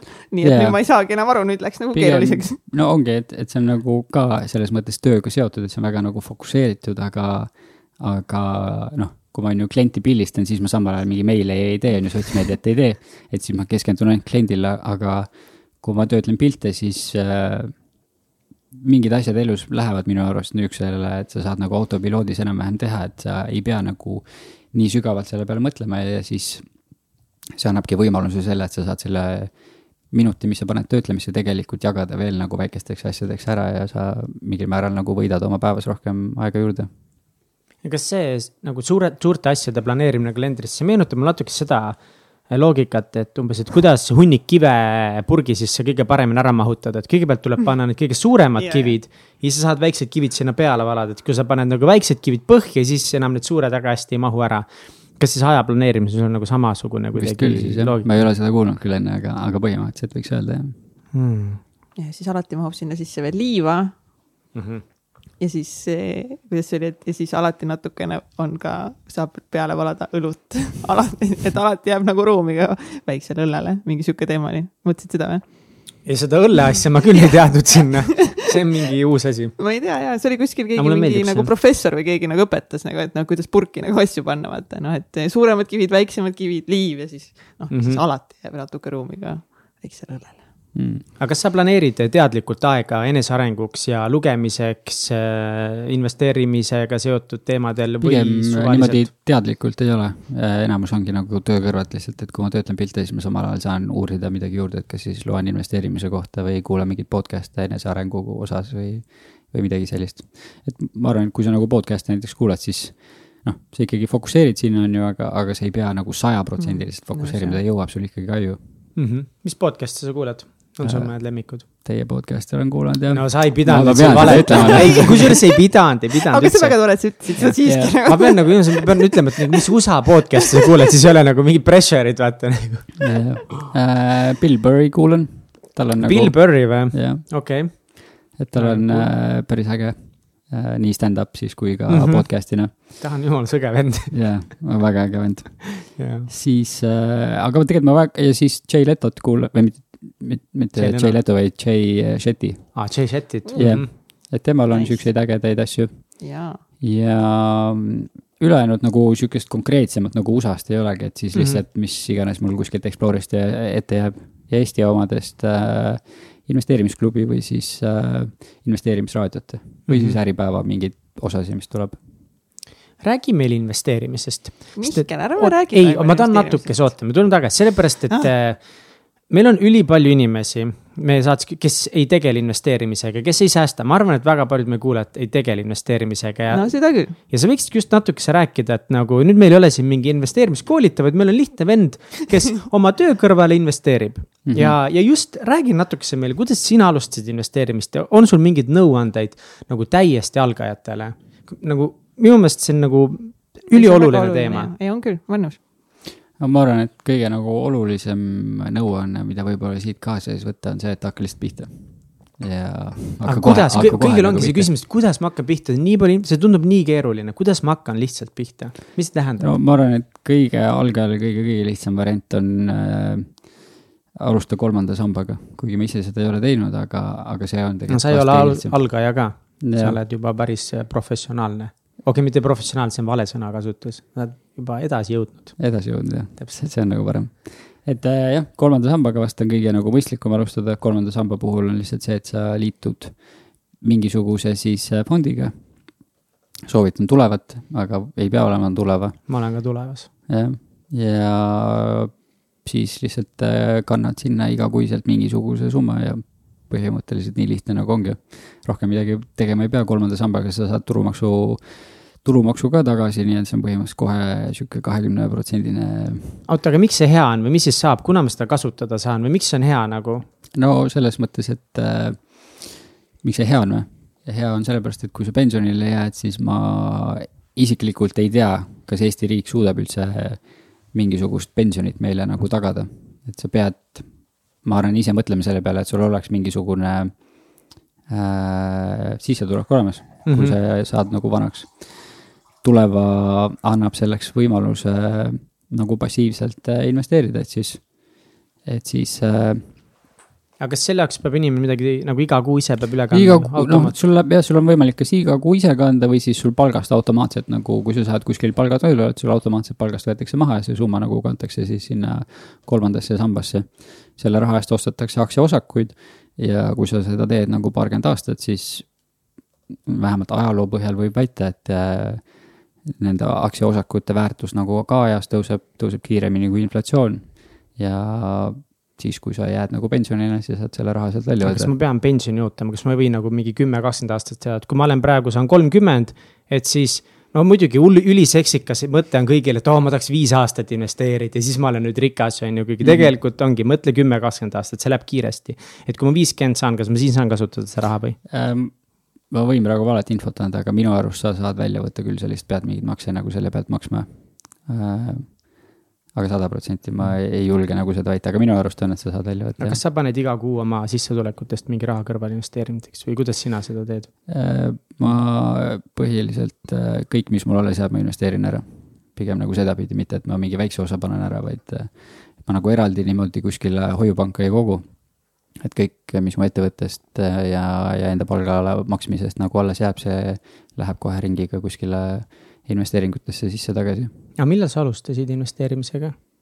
ma kõige esimesena alustasin äh, siis, kui oli eelmine kriis põhimõtteliselt, nüüd see finantskriis, mis oli vist kaks tuhat kaksteist või kuskil sealkandis, et ma ostsin Balti börsilt aktsiaid ja siis nad langesid alla ja mingi seitsekümmend protsenti, mis ma tol hetkel olin vist võib-olla mingi kümme tuhat krooni suutnud nagu koguda, investeerisin selle kümme tuhat krooni ära ja sellest jäi mingi paar tuhat alles ja super, hakake kõik investeerima aga kui ma ei oleks maha müünud ja oleks lihtsalt selle puutumata jätnud, siis praegu oleks see summa nagu palju suurem olnud, et ma tegelikult tegin selle lolli vea, mida paljud algajad teevad, on see, et nad näevad punaseid numbreid ja siis tekib paanika ja müüakse nagu maha, et kui ma oleks lihtsalt välja loginud oma konto pealt, mitte midagi teinud, siis ma oleks praegu nagu rohkem võidus olnud mm. -hmm. ja nüüd teadlikult ma alustasin uuesti kaks tuhat kuusteist põhimõtteliselt, kaks tuhat seitseteist, midagi sihukest. oota, miks nii pikk või nagu vahe, vahe siis jäi vahele, et sa mõtlesid. ma sain nii valusalt vastu näppe, et äh, liiga palju raha läks ära ja siis ma mõtlesin, et see investeerimine on skämm ja ma ei taha sellega tegeleda.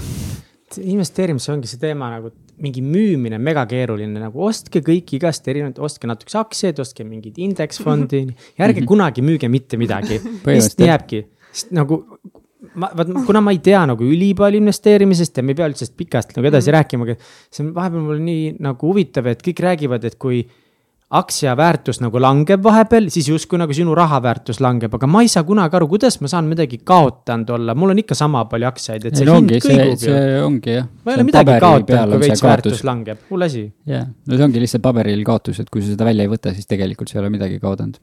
ja noh, kõige parem ongi, kui sa lihtsalt ostad, ostad ja hoiad mm. -hmm mida ma siis tol hetkel ei osanud nagu teha.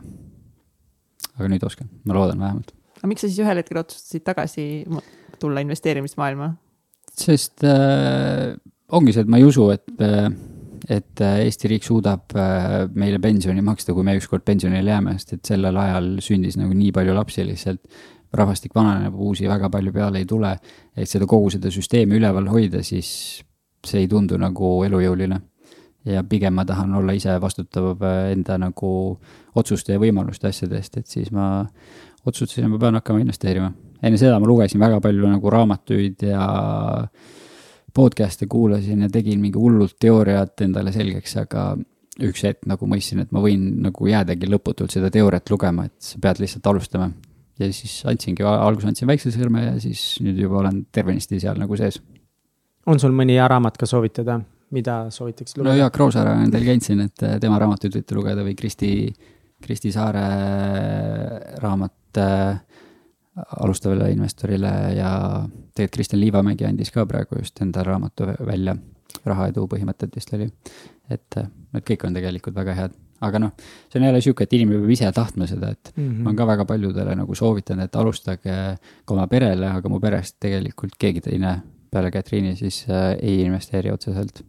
Et kui kui see ei ole veel sinu jaoks, sa ei ole veel valmis seda infot nagu vastu võtma, siis suure tõenäosusega see, et keegi tegelikult ütleb sulle, ei muuda nagu midagi. see tundub nii keeruline lihtsalt mõtlengi nagu, et võib-olla Kristi Saare nagu teades, et väga paljud meie kuulajad on naised ja mm -hmm. kindlasti on jumala suur osa teist, kes juba investeerib.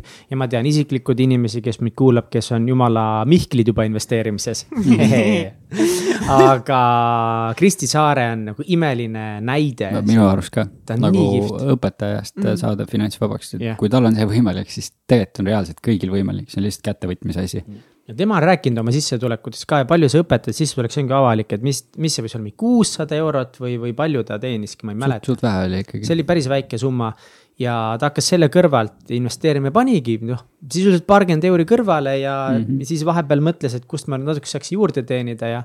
ja tegelikult ju see ei olnud üldse ammu, kui tema alustas. jaa, no põhiline ongi see, et sa muudad nagu oma seda mindset'i, et sul ongi vaja kasvõi need väiksed võidud tegelikult lõpuks kasvavad nagu lumepallina suureks, et võib-olla alguses tundub nagu mõttetus, et aa, ma kuus sain passiivselt võib-olla mingi ühe euro, on ju, aga aga tegelikult, kui sa seda nagu skaleerid aastate peale, siis see üks euro kasvab lõpuks väga suureks aga point ongi, et sa pead alustama lihtsalt, kui sa ei alusta, siis mm -hmm. tegelikult see null eurot jääb ikka null euroks. no nii, nii on iga asjaga nagu, aga me ei, me ei suuda kuidagi näha nagu kuna see on nagu nii tuleviku mängimine kõik, vaata nagu me mediteerimisest just eile rääkisime ka, et me ju teame, et see on meile hea mm. -hmm. aga nagu nii raske on hakata lihtsalt seda tegema, sest me ei näe seda konkreetset tulemit nagu kohe, noh. meil mm -hmm. ei ole mhm. ka kohe see finantsvabadus ja selle nimel tuleb nagu vaeva näha, kogu aeg harida, õppida, tegutseda, seepärast ongi nii keeruline. kuigi tegelikult nii palju nagu vaeva otseselt ei peagi nägema, et no veits ikka peab, no, no sa juba, sa juba tead nii palju, see on nii lebo, vaata, alustada on ikka raske tegelikult ei ole alustada tegelikult ma arvan, et see ei ole raske, pigem on see hirm lihtsalt. ja, ja, ja täpselt, teil on õigus poiss. et kui nagu noh, mõeldagi, et ma ei tea nüüd, sa võid nüüd öelda, kas see on nagu halb mõte või mitte, aga üks asi on see kolmas sammas. minu meelest tundub, et need, kes neil, kel ei ole ettevõtet näiteks ja kes tahavad ja ongi, et väga okei okay on alustada eraisikuna ette eh, investeerimist, kui sa saad nagu väga väikseid summasid kõrvale panna. LHV kasvukonto mm, -hmm. lihtsalt LHV kasvukonto.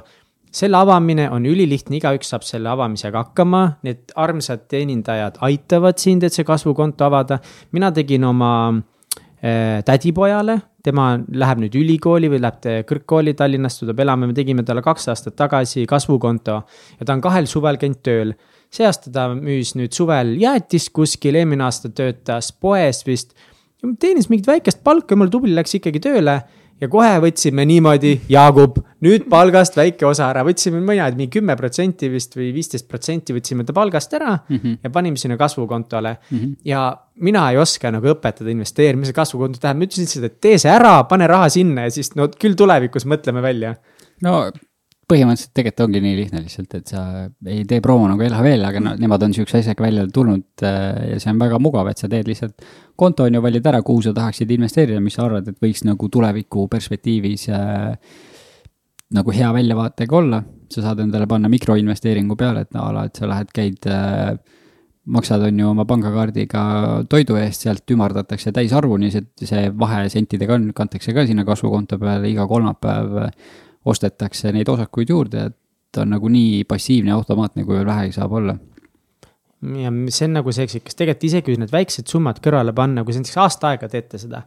ja näiteks, ma ei tea, mingi viissada eurot panete aasta aega kõrvale tundub nagu väike summa, aga tegelikult ma garanteerin teile, teil tekib väike hasart, tegelikult see nagu päris lahe mm.. Yeah. siis te vaatate, oh, mul on mingi viiesaja euri eest mingisugust maailma indeksfondi, ma ei tea, mida see tähendab, kõlab tähtsalt mm., ülipõnev. ja no pigem ongi see mindset jah, see, et mm. inim-, enamus ju tegelikult, kes hakkavad investeerima, neil võib-olla polegi raha kogumise harjumust ja, ja siis, kui nad näevadki võib-olla mingi, et nad on kogunud sada eurot või viissada eurot või tuhat eurot või kümme tuhat eurot, et juba nagu kui sa saad nagu selle hoo sisse ja näed nagu siukseid summasid, ma arvan, et see motiveerib nagu väga palju edasi minema mm. -hmm.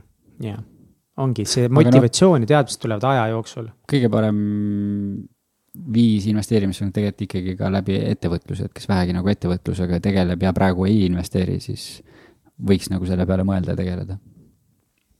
jah hakkame investeerima. hakkame investeerima, Kats, kas me ja. lähme Austraaliasse Kule, jaa, või lähme kuskile mujale? ma just tahtsin, tahaks väga sinna minna. Lähme Austraaliasse. tahaks sinna minna kõigepealt mm, -hmm. et nagu miks sa üldse otsustasid?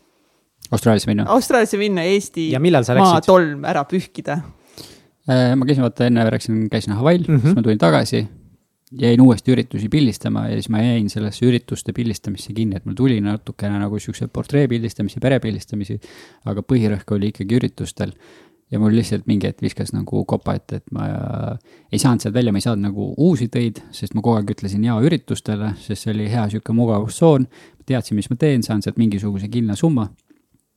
oli nagu selles kinni ja siis äh, tekkis võimalus Austraaliasse minna, siis ma mõtlesin, et äh, et äh, muudan oma seda töökeskkonda, muudan nagu kõike, lähen sellest mugavustsoonist välja, lähen äh, hoopis nagu teisele poole maailma. enne seda äh,, kui Austraalia üldse teemaks tuli, siis ma vaatasin teisi, kes Austraaliasse läksid, siis ma mõtlesin, et aa, et Austraalia on jumala mõttetu, kõik lähevad sinna ma ei taha, et ma ei taha olla sihuke, et mida kõik teised teevad. aga, aga siis mingi hetk ma suutsin nagu mõelda, et äh, vahet ei ole, mis teised teevad, ma lähen teen oma tee seal. ja, ja mu eesmärk nagu sinna minnes oligi see, et et ma teen kohe oma farmi päevad ära ja tänu sellele on mul võimalik seal kaks aastat olla ja ma tahan keskenduda nagu ainult fotograafiale, et ma saaksin selles valdkonnas nagu edasi areneda. ja, ja siis oligi, siis ma läksin äh, Austraaliasse kõigepealt tegin oma farmitööd, sain katsetada nagu mingeid erinevaid asju, a la mingi veokiga sõita, traktoriga sõita. aga kas oli raske sul neid töökohti üldse alguses nagu üldse neid farmitöid ka seal leida või kuidas see alguses sa jõudsid sinna Austraaliasse introverdina mm, -hmm. et kas sul oli alguses nagu raske või sa kohe kuidagi sulandusid hästi sinna keskkonda sisse? mul esimene asi nagu enne kui ma läksin, siis ma mõtlesin, ma väga nagu nii spontaanne ei ole, et davai, ma võtan koti ja lähen. et ma tegin ikkagi eeltööd, otsisin farmi, kus saad, kuhu saaks nagu tööle minna, siis ma leidsin ühe kontakti Äh, pääsesin nagu sinna farmi tööle, see oli äh, ananasside korjamine. seal oli, oligi mingi neljakümne kraadises äh, palavuses mingi kummiülikonna matšetaga mingi, oled nende okkeliste asjade seas, korjad ananasse. ma ei teadnud, et üldse ananassi nagu noh, need on vist põõsad põhimõtteliselt, aga need on mm. mingi siuksed pea kahemeetrised, sa oled seal sees ja siis sul ongi matšete oh. ja. Need on okkelised või? okkelised on jah, väga okkelised ja sellepärast sul ongi kummiülikond, aga sul on nelikümmend kraadi, siis sa lihtsalt nagu voolad higist ja, ja, ja no, raiud neid seal nagu välja. et äh, mingi aeg nagu sai seda tehtud, aga see töö oli ikka ropult äh, raske. Ja, ja siis otsustasime, et äh, võiks nagu kuidagi kergemalt läbi saada äh,. leidsime, siis me tol ajal äh, oma partneriga koos läksime sinna äh,. otsustasime, et võtame mingi teise töö, läksime äh, teraviljafarmi põhimõtteliselt, seal oli sihuke tunnipalk, mingi nelikümmend dollarit äh, tunnis kätte, mis on nagu Eesti mõistes. raha. väga teine teema. ülikorralik raha. jah, aga seal oli jällegi hästi tolmune töö, sihuke, et nagu farmerid lasid äh, vilja veokitesse ja siis veokid tõid sinna teraviljaplatsile ja siis see kallati seal maha. ja siis sina nagu vastutasid põhimõtteliselt selle eest, kuhu see nagu valati ja sõitsid ka mingi traktoriga, lükkasid seda vilja nagu paika äh, ja siis mingi hetk seal sai nagu töö otsa ja siis meil jäi mõned äh, vist mingi nädal või kuu või midagi sihukest jäi nagu puudu, otsisime kolmanda koha, läksime sihukesesse lambafarmi, kus siis tuli mingi lambaid pügada ja noh, lihtsalt siuksed mingid põllutöid ja mingeid siukseid asju teha, et, et oli väga nagu teistsugune keskkond. kõige parem on muidugi see, et CV peale sa panid, et sa Eestist tuledki, sa oled siin mingi hull põllumees, ma teen mingeid igast asju, pole kunagi nagu mingi traktoris ega veokis ega mingi siuksed asjad olnud. aga aga noh, enam-vähem sai selle CV-ga ära petta ja siis sa said nagu farmi tööle, tegid oma need, äh, tegid need äh, äh, kohustuslikud päevad nagu ära ja siis äh, läksime Sydneysse elama. korra küsin, kui pikk see aeg on, mis sa pead, pool aastat või? kolm kuud on, aga kuna me ei leidnud nagu kohe järjest mm -hmm. niimoodi töid, siis see vist venis sihukese viie kuu peale mm -hmm. umbes niimoodi mm. -hmm. ja siis, kui need sai tehtud, siis äh, läksime Sydneysse ja siis mu mõte oligi, et äh, et ma saaks äh, nagu ainult fototöötajat, ma ei taha kuskile nagu lihtsalt niisama tegema midagi minna. ja, ja siis äh, hakkasingi fototööd otsima. ja, ja see on ka nagu teistsugune jälle kui Eestis, et Eestis on ju pildistad, võib-olla saad mingi kontakti, siis seal sul pole kontakte, pole nagu kedagi ka otseselt pildistada, et sa võid oma kuulutuse üles panna, et aa, ma olen mingi fotograaf kuskilt Euroopast, on ju aga keegi ei tunne sind ja keegi sind niimoodi ei võta, et siis ma olin endale mingisuguse portfoolio välja lasknud ja käisin erinevate äh, fotostuudiote nagu uste taga. Et enne seda ma just mõtlesin ka, et ma ei taha nagu üritusi enam teha, et see oligi point, miks ma Eestist ära läksin ja ma tahaks nagu portreesi rohkem teha. siis ma hakkasingi käima nagu fotostuudiote ukse taga, et ise nagu seal mingit stuudiot nagu avada on suht nagu võimatu või noh, ei ole võimatu, aga eh, nii värskena sinna tulles on nagu väga raske. et siis variandina oligi see, et sa saad kuhugi stuudiosse nagu tööle, pildistad sealt ja teed enda nime ja, ja liigud nagu edasi. kas sa tegid siis mingi nimekirja, vaatasid välja mingid stuudiod, mis tunduvad nagu kohad, kuhu sa saaksid kandideerida ja siis hakkasid, sa lihtsalt läksid nendele ukse taha, ukse taha koputasid? jah, põhimõtteliselt jah, et Austraalias nagu ei ole nagu e-riik selles suhtes, et seal sa võid meili saata, kes ei, võib-olla jõuab kuskil kohale, aga vastust sa nagu suure tõenäosusega kunagi ei saa. et siis oligi ainuke variant see, et sa läksid reaalselt ukse taha ja koputasid ja ütlesid, et joo, ma tulen, ma tahaks teile pildistada, siin on mu portfoolio, vaadake, et mis te arvate. Kas oli hirmus ka natukese või ebamugav kuidagi koputada võõrale uksele ja öelda, et ja, ma tahan fotot teha? kindlasti jah, et see ongi, kui sa, sul süda puperdab, siis pole kunagi sihukest teenust, et nagu mingi müügimees lähed ja sa pead iseennast müüma veel, mitte mingit toodet ja asja, et et see oli jah, väga hirmus, pluss see, et, et sul nagu mingisugune finants on nagu kogutud selle farmi tööga, aga kui sa reaalselt tööd ei saa, ei saa, siis sul on rahad otsas ja noh, see Austraalias ei ole tegelikult, sul palk on küll kõrge, aga samas sul kõik muud kulud on ka päris kõrged, et sul peab ikkagi sissetulek olema, et ära elada. kas sa mäletad ka seda esimest ust, millele sa, millele sa koputasid või äh,? päris esimest vist ei mäleta niimoodi, aga ma mäletan, et, äh, et äh, kui ma käisin, siis ma sain ikkagi väga palju ei-si ja see koht, kuhu ma lõpuks sain, siis tegelikult sealt mind lükati ka tagasi ja öeldi, et ma olen mingi suvakas Ida-Euroopa fotograaf, et mida ma siit üldse tahan ja nagu kui sa lähed nagu enda silmis nagu hea portfoolioga, sa mõtled, et oh, ma olen nagu mingi äge vend Eestist, et siin mul ikkagi tööd oli, et nagu mingil määral nad peaks ju mind nagu hindama siis ka Austraalias, siis seal purustati kõik nagu illusioonid, mis sul endast võisid olla. kui palju sa neid eh, fotostuudioid läbi käisid?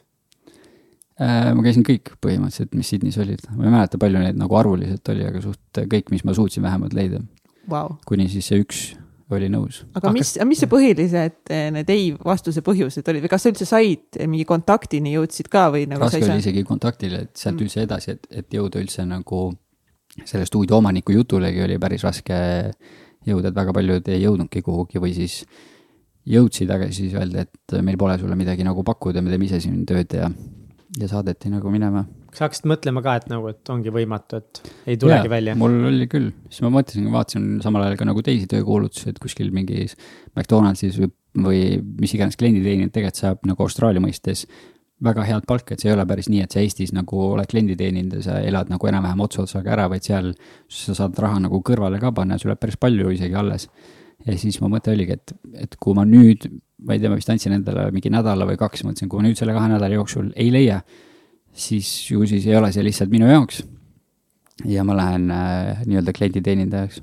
aga siis õnneks see aeg, kui ma seda mõtlesin, siis üks, kus öeldi, et ma lihtsalt olen mingi mõttetu idaeurooplane äh,, seal ma nagu käisin ikkagi veel peale, pressisin ja lõpuks äh, sain nagu proovi pildistama. See tehti maha, et äh, mingi mõttetut pildid on ju jälle väga korralikud nagu siuksed egolaksud, et kui sa kuuled, et sa ei ole nagu mitte midagi põhimõtteliselt väärt ja mitte midagi ei oska äh,. aga siis proovid uuesti, proovi uuesti ja siis lõpuks äh,, lõpuks äh, suudad nagu nii palju ennast tõestada, et sulle anti esimene niisugune pool klient, keda sa said pildistada ja siis sealt äh, nagu siis kasvatasidki oma usaldust, kuni, kuni said nagu täiskohaga pildistajaks seal. aga miks nad andsid sulle kogu uut võimalust, et kõigepealt nad viskasid su välja mm -hmm. ja sa läksid tagasi neile, mis su sõnum oli, mida sa ütlesid, see on nagu võib-olla hea sihuke learning point ka, et et näiteks mul on, ma proovin ühte finantsäppi teha mm -hmm. ja meil on vaja leida API agregaatorit eh,. täpselt sama asi põhimõtteliselt nagu, mida teeb MyFinance, aga nad on, nad teevad nagu jamasti, me teeme palju paremini mm. -hmm. ja nad on päris lahe naine teeb seda, isegi kirjutas mulle, et mm -hmm. see on päris kihvt um, ma, ma tahan leida seal API agregaatoreid ja mul on vaja erinevate Euroopa mingite ettevõttel kirjutada. ja nagu, mida sa siis nagu ütled, kui öeldakse sulle no thank you, ei, ei taha sinuga koostööd teha, mis sina ütlesid?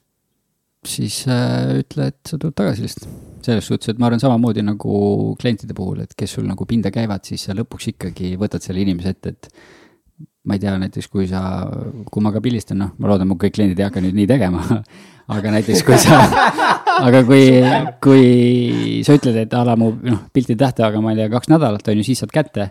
Aga kui ta käib sulle a la mingi iga päev või iga teine päev pinda, et kuule, et kus pilt on, et kas oleks võimalik juba näha, siis lõpuks lihtsalt teed ikkagi selle ära, sest et sa tahad nagu sellest pingest nagu lahti saada ja ma arvan, et sama asi oli ka seal, et ma lihtsalt käisin ukse taga nii kaua, kuni võeti nagu vastu. vot sorry, sa pead veel detailsem olema, sa läksid ja sa ütlesid neile, et ma tulen homme tagasi, kui te. ei, ma ei öelnud, ma ütlesin thanks ja kassisin natuke kodus ja siis ma läksin uuesti, et äh, ma tahaks ikkagi proovida nagu proovitööd teha.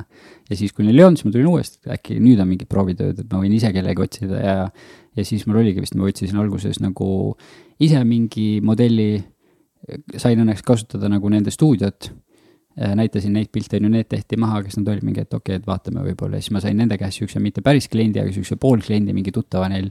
pildistasin seda ja siis see oli ka nagu sihuke, et pika hambaga öelda, et okei okay,, et võib-olla nagu sobib, võib-olla ei sobi, on ju, ja siis nii ta nagu läks. aga kui palju, kui erinev oli näiteks sinu tol hetkel pildistamis eh, stiil ja võib-olla töötlusstiil versus see, mis oli nagu nendel seal kohapeal, kas sa pidid nagu enda stiili kuidagi siis kohandama ka või? Äh, jaa, kindlasti selles suhtes, et äh, kui ma sain nagu sinna koha peale, siis enne, kui ma sain nagu üldse reaalselt kliente pildistama hakata, siis ma sain seal olla nagu assistent põhimõtteliselt, et ma nägin, kuidas nagu teised pildistavad ja tänu sellele ma sain nagu enda pildistamisstiilis ka nagu korrektuure teha, et praegu tulebki meelde, et seal oligi see, et ma olin nagu assistent Äh, ma ei saanud selle eest nagu mingit tasu, ma lihtsalt olin tasuta seal, aga tänu sellele, et ma olin assistent, siis nad andsid mulle võimaluse stuudiot kasutada. ja tänu sellele ma sain stuudiot kasutada, siis ma sain nagu näidata, et mis ma oskan teha. ja, ja siis läbi selle nagu sain ennast nii-öelda fotograafiks sinna tööle siis, palgalisesse tööle. Aga kas sa mäletad mingeid asju, mida sa enda stiili juures pidid näiteks muutma ka? ma arvan, et kõige suurem muutus oligi see, et nagu ka ma enne rääkisin, et sa pead väga intensiivne olema, sa kogu aeg vaatad näkku, kogu aeg oled nagu õnnelik, rõõmus, kõik on nagu ülihappy. Äh, see pluss siis stiililt oli ka see, et äh, nende nagu kontseptsioon, ma ei tea, noh, väga paljudel stuudiotel oli see kontseptsioon sihuke, et nad ei võta klientide käest pildistamise eest raha. et klient tuleb tasuta pildistama, äh, make, kõik asjad on tasuta, aga ta ei saa ühtegi pilti ja kui ta tahab pärast pilte, siis ta maksab nagu nende eest põhimõtteliselt selle stuudio nagu äriidee või noh, nad natukene läksid sinna nagu skämmi poole, oli selles mõttes, et käisid näiteks mingitel äh, festivalidel või üritustel ja siis äh, tegid seal nagu kohapeal pilti, inimene sai lihtsalt selle tavalise pildi.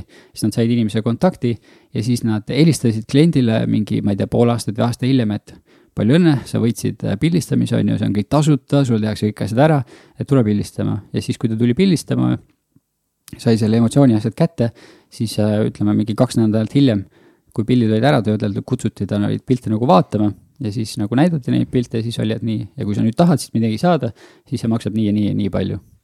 ja siis inimesed nagu ostavad? jah no see on ikka väga skämm. see on skämm, see on nagu reisidel, sa käid kuskile, lähed mingile turistivärgile, vaata siis eh, kuskile laevaga sõitma, siis ootavad sind need fotograafid seal ja sa ei taha nendega pilti teha, aga nad on mingi ei, smile, smile, mingi midagi ei juhtu. ja siis, kui sa istud maha, siis toovad sulle välja prinditud pildi juba vaata ette ja mingi, aa, mingi kakskümmend euri.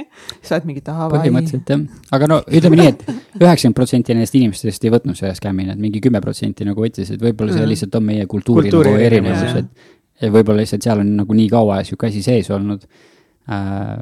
aga noh, neil nende puhul see töötas, sellepärast mm -hmm. et mhm. inimesed ikkagi ostsid, äh, see ei olnud nagu, et nad ostavad mingi paarisaja, vaid nad ikkagi ostsid paari tuhande euro või dollari eest neid äh, pilte endale. -hmm. ei, väga hea nagu nii-öelda sissevisketoode või et noh, ülihästi tõmbad inimest sisse, annad emotsiooni mm, -hmm. teed kõik ära ja, ja lõpuks siis. vaata kui ilusad nagu. jaa, aga see on suht riski jällegi, sest et äh, sa ikkagi pead nagu riski võtma kliendi pealt, et ta on maksejõuline, ta on nõus ja, nagu ostma, sest. saate kätte veel pärast, vaata on ju ja no Eestis see ei toimiks kindlalt nagu no, ma arvasin ka, et Eestis üli... seda nagu ei mängiks välja ja. no sa ikka pead nagu noh, ükskõik, ükskõik kus ma olen, mina ikkagi nagu teavitaks inimest, aga no see selleks. väga huvitav stiil ja, aga kui kaua sul läks seal aega, kui nad nagu ütlesid, et kurat, Jake, et nagu noh, võib-olla sinust saab ikka asja ka ma arvan, et mul, äh, ma arvan, et see asi loksus nagu paika circa mingi poole aastaga, sest äh, siis ma ikkagi olin täiskohaga, põhimõtteliselt lõpuks ma tegin nagu kõige rohkem nendest, äh, kõige rohkem kliente nagu suunati mulle. sest minu nagu müügid olid kõige suuremad aga ja noh, tol ajal, kui ma seal olin, ütleme, et ma olin noh, pool aastat olin siis farmis on ju, pool aastat olin seal olnud, pildistasin, siis äh, tol hetkel ma mõtlesin, et Eesti on nagu jama, ma ei taha Eestisse üldse tagasi tulla, ma tahaks USA nagu vii- või selle Austraalia viisa saada ja jääda nagu elu lõpuni põhimõtteliselt sinna tööle. aga siis läks umbes pool aastat veel mööda ja siis ma nagu mõistsin, et Eesti tegelikult ei ole halb, et põhimõtteliselt kõik, iga, iga riik on tegelikult enam-vähem sama. ja, ja nagu selle pooleteist aasta peal siis olles nemad pakkusid mulle, et nad võivad mulle viisa nagu sponsoreerida, et ma jääksin sinna, see oleks olnud siis kohustus, et vist oli kas kaks või kolm aastat peaks neile nagu töötama. aga ma tundsin, et äh,, et minu jaoks nagu vaikselt hakkas see ammenduma seal, et mul ei olnud enam äh, otseselt kuhugi nagu areneda. Ja seal, kui me pildistasime, siis neid pildistamisi oli ka päris palju, et sihuke kuus-kaheksa klienti päevas oli sul. Mm.. et ei ole sihuke, et sa üks-kaks nagu teed päevas. Et oli suht intensiivne, kogu aeg oli nagu sihuke tulistamine. Ja, ja lõpuks ma tundsingi, et mul ei ole kuskil enam areneda. Äh, mu mindset nagu muutus, et Eesti tegelikult on ka väga äge, ma saan Eestis nagu palju kaugemale jõuda, ma ei tööta kellegi all, ma saan enda nagu brändi Eestis teha. ja, ja siis ma põhimõtteliselt tiksusingi nagu oma selle äh, noh, teise aasta lõpuni või noh, pool aastat, mis veel jäi siis sinna viisa lõpuni ära seal. ja siis ma tulin ära. viimane mu eesmärk nagu seal lõpus oligi, et enne kui ma nagu ära tulin, viimasel kuul oli veel nagu aasta nende kokkuvõtete tegemine, siis äh, seal oli äh, äh, nagu see noh, finantside tulemused, asjad ette oli loetud yeah., siis mu enda jaoks vähemalt isiklik nagu eesmärk oli see, et minu nagu pilte osteti miljoni dollari eest. siis ma olin nagu. mida? No seal on jah, vaata päris suurtes summades müüakse neid. sa müüsid miljoni dollarist pilte? mis, mis aja, nagu kaua, kaua sa seal pildistas, kaua sa olid? see oli nagu aasta, noh, raamatupidamist tegid nad põhimõtteliselt ja siis loodi lo,, loeti nagu ette fotograafide nagu need. sa ei tahtnud kohvi? ma ei joo kohvi, jah mm.. Sorry. ei ole. aast-, aastaga müüsid miljoni. jah, aga noh, see ei ole vaata ma ei võta kogu seda krediiti enda peale, sest et mina teen pildid, ma püüan nagu teha võimalikult palju erinevaid, erinevate nurkade alt, siis need pildid antakse edasi nagu produtsentidele, kes siis müüvad, teevad seda müügitööd okay, okay. ja siis äh, nemad A nagu aga suutsid minu pilte maha müüa. teised, võrdluseks siis, palju see teistel oli siis nagu? no teisel kohal, kes oli, temal oli mingi üheksasada tuhat, nii et okay. ma suutsin äh, saja tuhandega nagu teda võita aga meie kaks olime nagu kõige rohkem, teistel jäi kuskil poole miljoni või niimoodi kanti midagi, midagi sa pidid ikka väga õigesti tegema. ja see ongi nagu lahe, et sa läksid sinna, et see on oh mõnes mõttes, sa oled nii tagasihoidlik, sa oled nii malbe vend ja mingi, mis ma siin ikka üldse midagi ei taha sind, et ma ei. aga tegelikult sa mega hustler oled ju, sa läksid sinna, ütlesid, sa käisid kõik Sydney, oh sa oled Sydney's? Sydney's. Sorry, jah, mul läks korra blank. sa käisid põhimõtteliselt kõik Sydney stuudiod läbi sa ei olnud nõus alla andma, sa läksid mitu korda tagasi nende juurde, nad viskasid su välja. sa muudkui surusid, sa olid tasutanud su assistent olema ja lõpuks sa olid nii-öelda nende parim fotograaf seal. no jah, põhimõtteliselt jah. Fuck yeah noh Vau, nii et kui teil ei tule midagi alguses kui hästi välja, siis ärge andke alla. jaa, kindlasti, ma arvan, et minu arvates nagu üldse edu või ettevõtluse nagu põhiasi ongi järjepidevus. pead lihtsalt järjepidevalt tegema mingit asja, et isegi kui sa oled nagu halb fotograaf, aga kui sa oled järjepidev, siis sa tegelikult võid jõuda kaugemale kui see, kes on tegelikult hea fotograaf, aga ta ei ole järjepidev, ma arvan. aga see emotsionaalne külg, et selles mõttes, et äh, just nagu alguse poole see, et, et võib-olla väga paljudel on emotsionaalselt raske sellega hakkama saada mm., kui sulle ikkagi öeldakse, et ülisitad pildid, sorry nagu, et. et kuidas sa, kuidas sa nagu suhestusid sellega, et nagu ikkagi nad ütlevad isiklikult sulle, et sorry, sina ei kõlba siis sa pead nagu kuulma seda lihtsalt, ma arvan, eks seda on kindlasti väga raske, ega mul praegugi, kui peaks juhtuma, et klient ütleb, et kuule, mulle ei meeldi need pildid, mida õnneks nagu on väga vähe juhtunud, siis ma võtan ka seda väga isiklikult ja väga raskelt nagu. aga tol ajal sul ei olnud lihtsalt muud varianti, ma arvan. pidid äh, nagu aktsepteerima seda, mida öeldi, mõistma, et okei okay,, see on nende tõde, võib-olla see ei ole minu tõde, aga mina tahan nende juurde tööle minna ja nemad tahavad minu käest seda, siis mina pean nagu mugavduma ennast nagu nende järgi. ja, ja siis teed seda, mida vaja põhimõtteliselt wow.. aga mis oli veel äh, sinu jaoks väljakutsuv seal fotograafi tööna, sa rääkisid sellest, et sa pidid kogu aeg naeratama ja silma vaatama inimest, aga kas oli veel nagu mingeid raskeid hetki või väljakutseid selle aasta jooksul seal? palavus, mulle näiteks Eesti kliima räigelt meeldib see, et meil on neli erinevat aastaaega, seal on sul suht nagu üks aastaaeg põhimõtteliselt kogu aeg, kogu aeg on palav. et kui sa pildistad, see omanik, ta oli üsna nagu kitsi, ta ei tahtnud äh, stuudiosse aircon'i panna siis äh, kui sa pildistad, seal oli nagu mingi nelikümmend pluss kraadi ja sa näed, kuidas modellil näiteks meik nagu sulab oh. lihtsalt näost ära, sa pildistad nagu sel ajal, et see, see oli nagu väga raske, sest mulle endale väga nii palavad ilmad ei meeldi, sest mulle meeldibki rohkem nagu sügis ja kuskil sihuke natuke külmem aeg. Neil endal nagu, neid see palavus ei häirinud või? Mm,? Nad ei olnud, vaata, see stuudio oli nagu põhimõtteliselt kolme korruse peal. kõige palavam oli sellel korrusel, kus sa pildistasid. Äh, ülemus oli nagu kolmandal, teda väga nagu seal eriti kohapeal ei olnudki, ta oli kuskil mujal tegeles. teised produtsendid olid nagu all siis nagu nullkorrusel mm.. aga see, kus sa stuudios pildistasid, sealt nagu olid suured aknad ja päike nagu lõõmas sisse, see, see oli nagu kõige see kuumem hetk. aga nagu üldse noh see, meil läks päris kaua aega, et me saaks nagu paremat kaamerat, sest me alguses pildistasime mingite mm, nagu poolkaatritega, ma ei tea, kui see midagi üldse ütleb nope. äh,. ütleme sihukeste kehvade kaamerate, sihuke hobifotograafide mhm. põhimõtteliselt mm -hmm. kaameratega, aga me pidime nagu suutma müüa neid kui siis nagu professionaalseid tooteid või professionaalsena, aga need ei olnud nagu üldse siuksed et äh, päris kaua läks aega, et nagu veenda teda ümber, et meil on vaja nagu kvaliteetset kaamerat, kvaliteetset tehnikat et anda nagu paremaid pilte klientidele. ja siis, et nüüd saada Airconi sinna, siis see on nagu suht võimatu põhimõtteliselt. et teda väga ei hoolinud nagu, kuidas ta töötajatele asjadele läheb, et see ei olnud väga sihuke töötajatele äh, keskenduv töökeskkond, vaid pigem sellele, et teenida raha okei okay., aga kuidas teised, teised fotograafid olid seal, kas te saite hästi läbi? ja mina nagu sain kõigiga hästi läbi, et seal mõnel nagu oli omavahel äh, hõõrdumisi, aga, aga pigem sain hästi. et mis minu jaoks nagu seal kõige rohkem äh, nagu silma jäi või mida ma ka enda töösse olen võtnud, on see, et seal oli üks tüüp, James, kes oli väga äh, hea fotograaf, nagu väga kunstilised pildid ja nagu noh, ma ütlen, et min-, noh, minu jaoks väga kõrgel tasemel pildistas. ja siis oli üks teine, Jude äh,, kes pildistas sihuke vabamalt tal ei olnud nagu nii kvaliteetsed pildid, aga ta hullult suhtles nagu klientidega ja oli hästi sihuke meeldiv. aga tema nagu äh, müügid konstantselt olid nagu suuremad ikkagi, Jamesil olid nagu mõned nagu noh, kui me teadsime, et tuleb sihuke väga fancy klient või sihuke erilisem klient, vedas täiega naputaks kohvi ümber siis äh, selle sai on ju James, tal võis olla nagu väga kõrge müük, aga tal võis ka täitsa null tulla, sest et ta tegi nagu väga kunstilist asja. aga Jude tegi nagu konstantselt sihukest head asja ja siis ma võtsin nagu temalt nagu rohkem õppust, et äh, et äh, sa võid nagu pikkida sinna sisse mõned nagu kunstilised pildid, aga enamus inimesed tahavad lihtsalt nagu ennast näha he heana mm., mitte nagu mingi tulu, ma ei tea, väga kunstilist mingit asja. ja siis ma jah, kasutasin seda nagu enda stiilis ka ära. kas oli Austraalias veel midagi, mille pärast sa tundsid, et Eesti on ikkagi nii hea koht? kas hakkasid midagi igatsema või oli seal midagi puudu?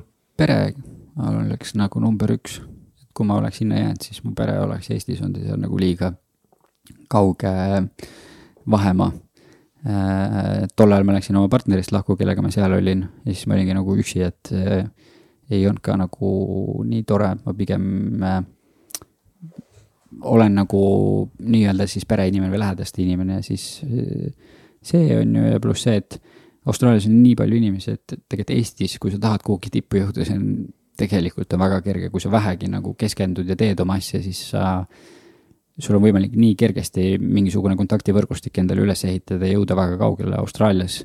sul on lihtsalt nii suur konkurents igal pool, et seda nagu teha on palju keerulisem. nii et jah, põhimõtteliselt seda. ei ole, aga mõnikord nagu kuidagi sihukest sisemist ego või ambitsiooni, et aga oh, Eesti samas on nii väike, et ma tahaks nagu kuidagi vallutada maailma, tahaks olla Euroopa või maailma suurim fotograaf. suurim kõige pikem, kõige pikem, kõige tugevam. otseselt ei ole, et ma ei tea, kui ma nüüd olen, on ju Eestis kõige parem või ma olen nüüd, ma ei tea Euroopas kõige parem, et okei okay,, võib-olla see annab nagu rohkem sihukest veimi asja, aga, aga ma ei otsi seda, et ma tunnen, et Eesti no, pakub mulle kõike, mis mul vaja nagu on. ja kui ma saan aeg-ajalt ka Eestis nagu väljas pildistada, siis see nagu rahuldab kõik minu vajadused ära. mis asi on äh, fotokonkurss Next Image kaks tuhat kakskümmend?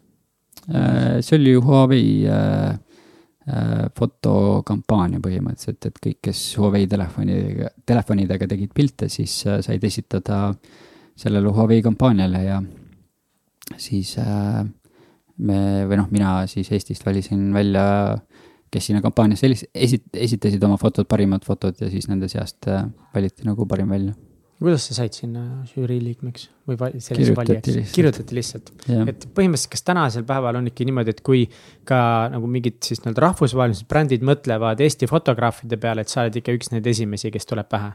Mm, seda ma ei oska öelda, ma loodaks, see oleks tore. aga mis sa arvad? ma, ma loodaks jah. kes on, kes on su suurimad konkurendid? nagu heas mõttes, konkurents on tore. rivaal nagu,, rivaalid. rivaalid, sõber. ma ei tea, ma ei ütleks, et mul nagu konkurente või rivaale on, mitte selles mõttes, et ma nüüd nii hea mm. olen, ma kedagi ei võta nagu sarnasena, vaid ma ise tunnen näiteks, kellele ma alt üles vaatan, oleks äh, Kalle Veesaar, kes minu arvates teeb nagu väga häid reklaamfotosid. aga kedagi nagu teist otseselt ei, noh, on erinev, Kaupo Kikas on ju, pildistab muusikuid väga hästi ja on nagu teisi, kes, ma ei tea, pildistavad beebis hästi, Riina Vaikmaa või Nele Tasane näiteks, Riina siis naisi ja et on nagu spetsialiseerunud mm. -hmm. aga kui sa sealt Austraaliast tagasi tulid, siis kuidas siis sinu karjäär siis fotograafina siin nagu jätkus, et kas oli lihtne, kas olid kohe siin kliendid olemas või kas sa tegid endale eeltööd, kui sa tagasi tulid või kuidas elu hakkas välja nägema? No ma ütleks, äh, kui ma nagu läksin sinna siis mu kõige suurem mure oligi sellest, et mul oli mingisugune võrgustik siin ehitatud, ma pidin kõik selle nagu põhimõtteliselt maha matma, sest ma teadsin, kui ma kaheksa aastaks ära lähen, siis kliendid leiavad ikkagi kellegi uue. Äh, kui ma Eestist äh, ära läksin, enne seda mul oli, ütleme, mingi kakssada pildistamist aasta peale või umbes midagi sihukest.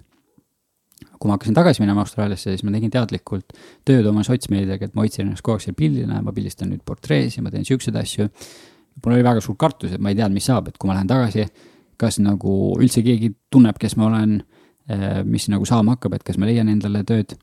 aga põhimõtteliselt, kui ma tagasi läksin, siis kohe praktiliselt järgmisel päeval ma juba hakkasin pildistama ja ta läks nagu väga, väga kiirelt läks lendu.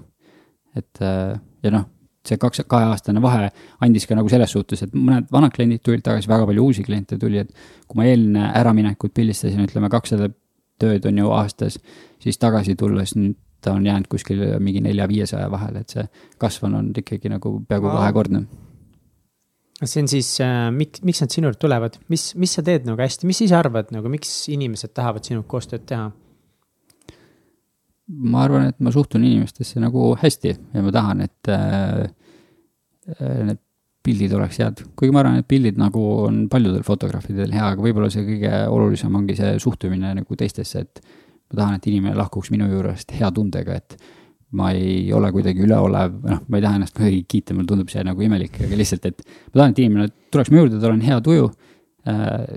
minu juures see tuju võib-olla veel võimendub ja ta läheb nagu väga hea rahuloluga ära. Ja see on nagu prioriteet, et kui ma suudan seda nagu mm. täita, siis on nagu kõik mm. hästi. Aga ikkagist nagu noh, sinu piltidel on mingi täiesti nagu ikkagist oma käekiri ka selles mõttes ikkagist, minu meelest sinu piltidel on hästi huvitav nagu selline nagu emotsionaalne sügavus. Või ma ei oska seda kuidagi nagu öelda, aga seal on nagu mingi sihuke sügavuse tunne kuidagi sees, ma ei oska seda nagu kirjeldada, et ikkagi see käekiri on ka nii nagu ära, äratuntav, et kas see kujuneski siis seal Austraalias siit tagasi tulles, kuidas su käekiri üldse on nagu välja kujunenud? see on nagu kõige raskem küsimus, seda küsitakse ka mu käest ka väga palju, et mis mu käekiri on yeah., aga ma ise nagu ei oska üldse näha, ma nagu teen lihtsalt pilti ja ongi nagu pilt, et ma ei, ma ei. no töötlus kindlasti on ka üks, mis yeah. nagu mängib suurt rolli, on ju. ma arvan, mis ma ise nagu kõige rohkem täheldanud olen, et võib-olla mu kõige ise, iseloomulikum ongi nagu mingi tumedal taustal on ju mustvalged portreed aga kui nagu sellest eemale vaadata, laiemat pilti vaadata ja iseloomustada oma käekirja, siis ma ei oska, kui ma täitsa aus olen. Ei, ma usun, ma usun, et sa nagu ei oska, eks see ongi vaataja silmades nagu mm -hmm. näha seda, et sina teed ikka nagu samamoodi hästi, nii nagu sulle tundub, on ju. Aga nagu väga kihvt, aga kas sul on nagu, kas sul on uhke tunne ka, et nagu noh, et, et sa oled nagu jõudnud nii kaugele kogu selle fotograafiaga ja sa oled üks ikkagist tunnustatumaid fotograafe, nagu sa oled uhke selle üle? Äh,? Vist jah. veider oleks praegu öelda mingi, ma ei ole üldse uhke. pigem mitte nagu. ei, ma arvan küll, et see on tore nagu jah. väga tore. kuidas tekitada inimestes head tunnet, sa ütlesid, et, et nagu üks asi, mida sa arvad, et sa teed hästi ja, ja mis on sinu meelest oluline, on inimestes seda head tunnet tekitada, selle jaoks sa pead olema ekstravertne, sa pead olema rõõmus, naeratav. aga on seal mingeid tehnikaid ka või oled sa lugenud mingeid raamatuid või, või, või on sul mingit nõu anda, kui keegi tahab näiteks oma teenusäris tekitada rohkem seda kliendi elamust ja kogemust, et missuguseid näpunäiteid tuleks anda? ma olen lugenud nagu küll väga palju, aga ma ei oska kohe konkreetselt nagu välja tuua, et seda raamatut, sealt ma sain nagu siukse nipi. pigem, ma ei teagi, ma lihtsalt püüan ennast nagu võib-olla kliendi silmadesse panna ja mõelda, kuidas tema nagu tunneb ja siis teha talle see tunne võimalikult mugavaks. ma ei tea, ma loodan, et pärast, kui me siin lõpetame, et teil on ka nagu muga hea tunne, teil on nagu chill olla, mitte et te olete mingi ah. väga chill, väga mõnus.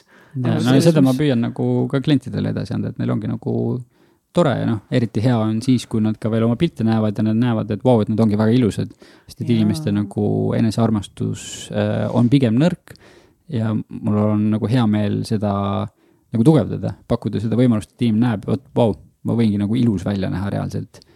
ja noh või sellele juurde mm. siis see, et ta ka minuga on positiivne tunne. võib-olla sinu juurde tulla on ka kuidagi hästi nagu võib-olla turvaline, nagu selles mõttes heas mõttes turvaline tulla, et sa võib-olla ei olegi selline võib-olla nagu e e eestlased tüüpiliselt tagasihoidlikud inimesed. ja kui nad peaks minema hästi sellise üliekstravert nagu noh, kes juba ongi, ah ta-ta-ta noh, sihuke nagu Xenia Fokini stiili, noh. Xenia väga tore, aga noh, siis noh, ega kui nad tulevad sinu juurde, nad teavad, nad on kuidagi hoitud ja kaitstud nagu, et sa nagu võtad kohe nagu enda juurde, ma ei tea, ma ei ole kunagi Jay juures pildistamas käinud, aga see on vähemalt sihuke tunne mul praegu tekib, mis võib inimestel no, nagu olla. see on jah, ma ei ole kedagi kuulnud niimoodi küll ütlemas, aga, aga praegu see tunduks, et see võiks nagu ja, olla hea jah, kui nii tuntaks no vot. me peame ka vaatama, et kõik, kes saatest tulevad, tunnevad turvaliselt ennast siin, et, et ei ole nagu sihukest ohtu, et keegi tuleb kallale või mingi koerad või mingid inimesed käivad selja taga ootamatult. nagu selles mõttes, kui sa tuled ikkagi pildistama, sa mingis mõttes nagu võtad ennast nagu, nagu paljaks, paljaks, täpselt yeah,. Yeah. ja fotograaf nagu tekitab su selle hea tunde nagu, kas sa tunned ennast mugavalt või sa oled nagu mingi krampides ja lase lahti ja ma tunnen yeah,, et Shake nagu suudab seda hästi teha. poseerimine on mega ebamugav ma tean, et väga paljud nagu kliendid, kes mu juurde on ka tulnud, kes on ise nagu välja toonud seda, et kui nad käivad kellegi juures, siis fotograaf ütleb, et davai, tee midagi või et Jaa. poseeri nüüd, aga inimene ei oska seda teha, ta ei tea, noh, tal pole õrna aimugi, mis see ettekujutus on. ja ma püüangi jah, tekitada selle mugava olukorra ja siis suunata ja panna teda nagu poseerima nii, et see tunduks nagu loomulik ja et ta ei ole nagu krampis ma olen hästi ebakindel nagu poseerides, seepärast, esiteks ma olen üks lõbus vennikene, on ju mm. -hmm. mulle meeldib lolle nägusid teha, aga üks osa sellest on alati see, et nii palju lihtsam ongi teha mul seda lolli nägu mm, -hmm. nalja teha. pigem mingi kaitserefleks või siuke. ja see on nagu hea, sest ma ei oska nagu normaalselt olla, et milline mm -hmm. see poseerimine siis nagu on, kuidas ma nagu naeratan täpselt. mul on ka sihuke, et nagu, mul näiteks sihuke naeratus, näiteks ma hammastega ma ei oska naeratada, mul on selline suu kuidagi, et hambad jäävad, noh kuidas ma, kuidas ma nagu, kuidas ma naeratan hammastega näiteks, ongi lihtsalt lolli nägu on lihtsam teha sest. ei, ei, see on kaitserefleks kindlasti, ma olen väga paljudel klientidel ka näinud seda, et eriti just meesterahvaste puhul mulle tundub, et see on, et naised pigem nagu kaitserefleks on hävelik ja sihuke nagu kinnisem. meestel, kes näiteks paaridena tulevad pildistama, naine on tahtnud, et lähme teeme koos on ju pilte, siis mehe nagu kaitserefleks ongi see, et ta hakkab lollitama. ja, ja, ja klassikaline Mi. sellest võib saada nagu ägedaid pilte, on ju, aga noh siis lihtsalt tuleb kuidagi suunata või tekitada see sihuke mugav tunne, et, et ka see mees tunneb ennast nagu turvaliselt. see ongi, see on vaata haavatav, no mehed, nad ei oska üldse haavatavad olla, nad ei oska üldse nagu õrnad olla, see ongi mm -hmm. see, see mingi haavatav ja pehme olemine, see on nii ebakindlalt, nii ebamugavalt tunnevad ennast nagu. noh, ja kui mina nagu, kes ma olen sihuke üldiselt suht avameelne vend on ju, kui mina tunnen veits ennast nagu haavatuna, siis mida sihuke klassikaline Eesti Madis tunneb seal mm, -hmm. ma kujutan ette no vot, Mihkel. Challenge viis tuhat. nüüd eh, minge toetage meid eh, patroon.com'is ja siis eh, toetage nii palju, et me saame ka Jake'i fotosessiooni endale lubada. ongi noh. ongi noh. ülivajalik, mis meie podcast jaoks on meil fotosessiooni Jake'iga vaja mm. -hmm. meil, meil on hooaja fotosessioon tegemata. ega meil tuleb, me teeme Marikaga, Marika Rossi teeb meile pilte aga ma tahaks nagu just tunda seda Jake'i vibe'i, nii et aga meil on vaja selleks veits raha koguda. Jake, mis sinu väljakutsed veel elus on, on sul sinu fotograafi karjääri jooksul mingeid suuri väljakutseid olnud või sinu eraelus selliseid hetki, et nagu kindlasti ei ole sul ikkagi noh, Austraalia oli väga suur väljakutse, millest me rääkisime, seal sa said normaalselt ikka easy'd ja kõike. on sul ka Eestis olnud selliseid mingeid raskeid hetki või Eestis saab kogu aeg kulged nii ma nagu püüan luik. oma elu, no päris mitte nagu luik, aga ma püüan oma elu elada ikkagi nii, et oleks võimalikult vähe nagu konflikte, et ma arvan, väljakutseid on suhetes kindlasti väga palju olnud. Äh, ja väljakutse on ka kindlasti, ma arvan, kõikidel ettevõtjatel see, et sa balansseerid oma nagu tööelu ja eraelu nagu eraldi, et see ei, ei hägustu põhimõtteliselt. Äh, midagi sellist äkki jah mm.. millised on need väljakutsed suhetes? ma arvan, et ongi kommunikatsioon, see on nagu põhiline, et äh, ma tunnen praeguses suhtes äh, nagu ma ei teadnud, et sihuke suhe saab üldse olla, et polegi põhimõtteliselt tülised, meil on nagu noh, me oleme poolteist aastat koos olnud, mõned tülid on olnud, aga ongi mõned ainult mm. -hmm. teistes suhetes mul on nii, et, et oli nii, et on mõned päevad, kus on nagu hea. et nagu see kontrast on nagu väga erinev. ja, ja ma arvan, et see taandub sellele, et inimesed nagu peavad iseendaga tööd tegema. ma pean iseendaga tööd tegema ja, ja oma vajadusi partnerile kommunikeerima ja partner mulle ma selles mõttes saan täiega aru, mis sa räägid, et äh, pärast igat suhet, mis mul olnud on, ma olen nagu tundnud, ma saan level up nüüd mm. -hmm. et mingi tõnn, next level, sest ma olen nagu noh, nii palju yeah. õppinud, noh alguses ma ei saanud üldse umbes aru, et naised teistmoodi mõtlevad või et mingid ebaratsionaalsed mõtted on nagu umbes noh, et kõik, miks me kõik ei mõtle igat asja ratsionaalselt umbes. no selle no. mõttega minu arust on just äh, väga huvitav nagu asi on see, et, et äh, palju nagu mehed võivad mõelda, et on ju, naised on hullud aga tegelikult ei ole, sest me lihtsalt nagu kommunikeerime erinevalt, et ütleme, kasvõi näiteks, kui me siin oleme, on ju, sa ütled, et, et äh, sul on külm, on ju, siis me Mihkliga oleme võib-olla, et jaa, on küll külm ja tegeleme oma asjadega edasi, on ju. aga tegelikult see on sinu viis, kuidas sa ütled, et sul on külm, hooli minu eest, too mulle, ma ei tea, mingi tekk, on ju. et me lihtsalt suhtleme erinevalt, et kui sa ütleks meile noh, tegelikult naistel on väga palju rohkem võimu suhetes või üldse meeste üle, sest et mehed on lihtsalt nagu mingil määral nagu poisikesed, kes tahavad lihtsalt teha midagi mm. -hmm. ja, ja naistel on see võim seda nagu ära kasutada, et kui sul on külm, on ju, siis äh, ära ütle, et sul on külm, sest me lihtsalt kontsert-, või nagu võtame, et see on fakt, on ju, jah, ja tegeleme oma asjadega edasi, et kui sa näiteks ütleks, et mul on külm, kas sa tooksid mulle, on ju, teki, siis me võtame seda missioonina, me oleme kohe nagu, me läheme otsime kohe sulle kõige parema, on ju, teki me tahame sulle kõige paremat anda, sest et siis me tunneme ennast mehena, sest et me saame nagu hoolitseda su eest ja kui nagu teha sihukene see mõttemuudatus, siis tegelikult ma arvan, suhted ka nagu väga palju nagu muutuvad ja see suhte dünaamika läheb nagu väga palju paremaks. et see on minu jaoks olnud nagu sihuke avastus mm. -hmm. no nüüd, kui sa, sorry. ei, ütle. ja nüüd, kui sa tead seda, et või et, et kas sa siis nüüd täna nagu oskad rohkem näha ka nendes oskad sa lugeda neid äh, lauseid sealt ridade vahel? ma kindlasti püüan jah, eks kindlasti nagu mõni asi läheb nagu kõrvust mööda ja ma ei saa aru ja partner peab mulle neli korda seda ütlema, on ju. aga, aga nüüd mul on vähemalt see teadmine, sest enne mul seda teadmist ei olnud. aga see on ka jälle, et me nagu suhtleme omavahel, räägime, et samamoodi ma kommunikeerin talle, et et ma ei saa võib-olla sinust aru, lihtsalt ütle mulle konkreetselt, mis sa tahad ja ma teen seda, sest ma tahan su eest hoolitseda, ma armastan sind ja, ja ma olen nõus nagu kõike tegema nii ilus. Shout out to Jake'i elukaaslane Katriin tervitused sulle siitpoolt. aga sa ütlesid, kui me kokku saime, siis sa ütlesidki siukse lause, et, et paljudel on suhetes fundamentaalsed probleemid. kas see kommunikatsioon ja see on nagu üks nendest fundamentaalsed? ma arvan jah, kommunikatsioon on nagu sihuke põhiasi, et inimesed ei suhtle omavahel ja nad ei räägi nagu, mida nad suhtes vajavad või kuhu nad koos lähevad. Mulle tunduks, et tegelikult iga, ma ei tea, vähemalt kord aastas, kui mitte rohkem, peaks äh, koos nagu maha istuma ja tegema nagu a la mingi töövestluse või suhteanalüüsi vestluse, et sa räägidki, et kus me oleme, kuhu me liigume, miks me liigume, mida ma tunnen, et mul on puudus, milles on nagu ülejääke asju. et lihtsalt nagu rääkida mm. -hmm. tegelikult see on nagu, see on nagu väga nagu lihtne asi, aga. ja seda on raske rääkida. jah no ma ei tea, kas sina oled olnud selles olukorras võib-olla see eelnevatest suhetest, ma saan aru, et sa ei ole alati olnud eh, nii hea, kui sa juba täna oled ja kindlasti meil kõigil on veel palju minna, et. et oled sa olnud nendes olukordades, kus sa tunned, et, et sa kuidagi ei taha või ei julge või ei oska ennast avada näiteks? jaa, kindlasti, ma olen nagu olnud suhetes, kus ma tunnengi ühes suhtes, ma tundsin niimoodi, et et ütleme, et kui inimesed on nagu hammasrattad, siis kui hammasrattad peaks nagu kokku minema, siis ma tundsin, et me lihtsalt nagu põrkume nagu ja me tõime üksteisest nagu halvad küljed välja. et ma pigem olen sihuke nagu rahulik, väga chill, aga selles suhtes nagu me suutsime üksteist nagu nii närvi ajada, et me hakkasime nagu karjuma üksteise peale, mis ei ole nagu üldse minulik. aga kuidagi me mõjutasime täpselt üksteise nagu negatiivseid külgi. ja tõime nagu need välja. Kas see oli olukord, kus lihtsalt olidki, et need valed isiksuse tüübid olid kokku saanud või see oli olukord ka, kus te lihtsalt tol ajal ei osanud nagu kommunikeerida neid asju ära, et kas seda on nagu nii-öelda noh, et mis ma mõtlen täpselt, ma viin jälle enda juurde selle kohe, ma mõtlen samamoodi, et mul on nagu mitu suhet olnud, kus ongi see lõpuks su kommunikatsioon on nii nagu nässu läinud ja siis ma mõtlengi, et kas see nüüd sellepärast, et me ei olnud nii-öelda meant to be mm -hmm. või lihtsalt, et ma siis olin nii loll veel nii paljudes asjades.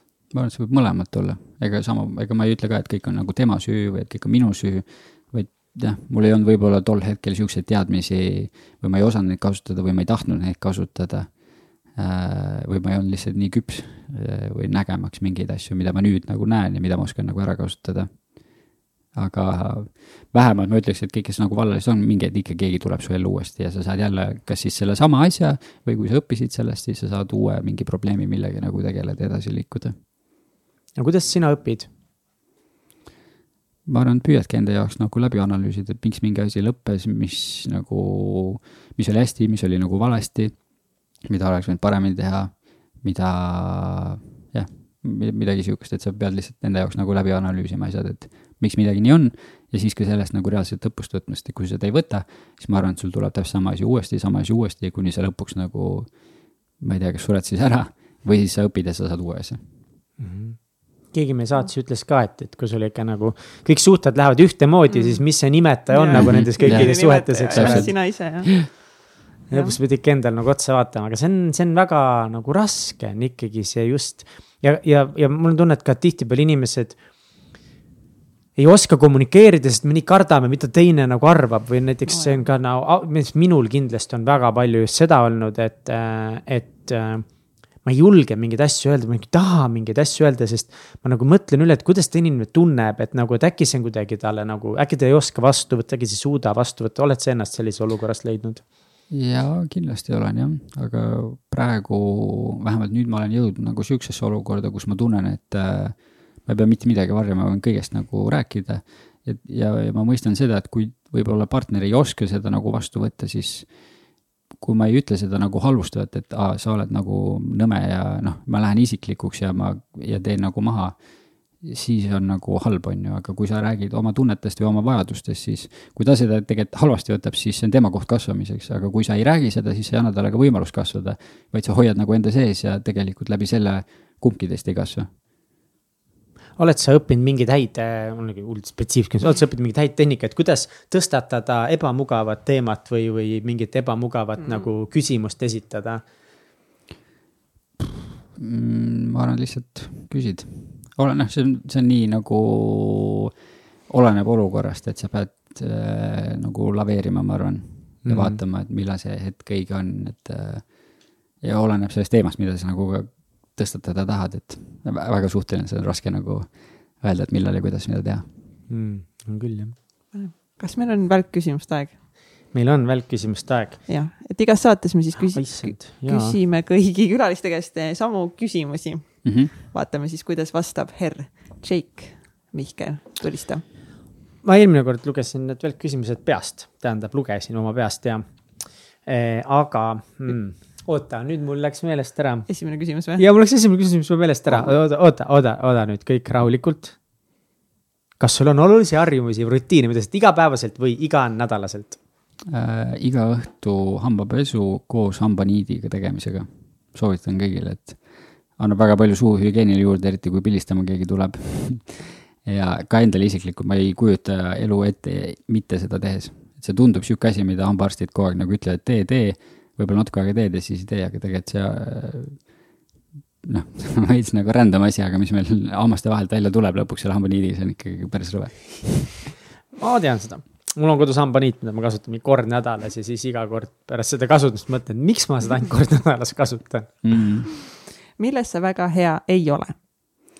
ma arvan, ma ei ole väga hea söögi tegemises, ma ei suuda nagu, kui mul kõht tühi ja ma pean hakkama süüa tegema, siis see on väga nagu raske et äh, ma arvan, et see on nagu koht, kus võiks olla parem äh,.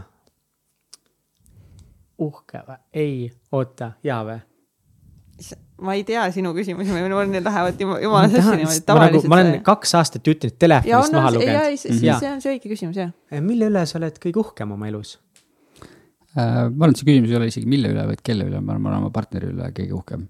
ta elus on ka väga palju nagu raskeid asju olnud ja traumasid ja värke ja ta on sellele vaatamata ikkagi veel väga positiivne, väga optimistlik, rõõmsameelne inimene, et ma ise olen väga sihuke pigem nagu pessimist ja negatiivne inimene ja eeldan kõigis halba.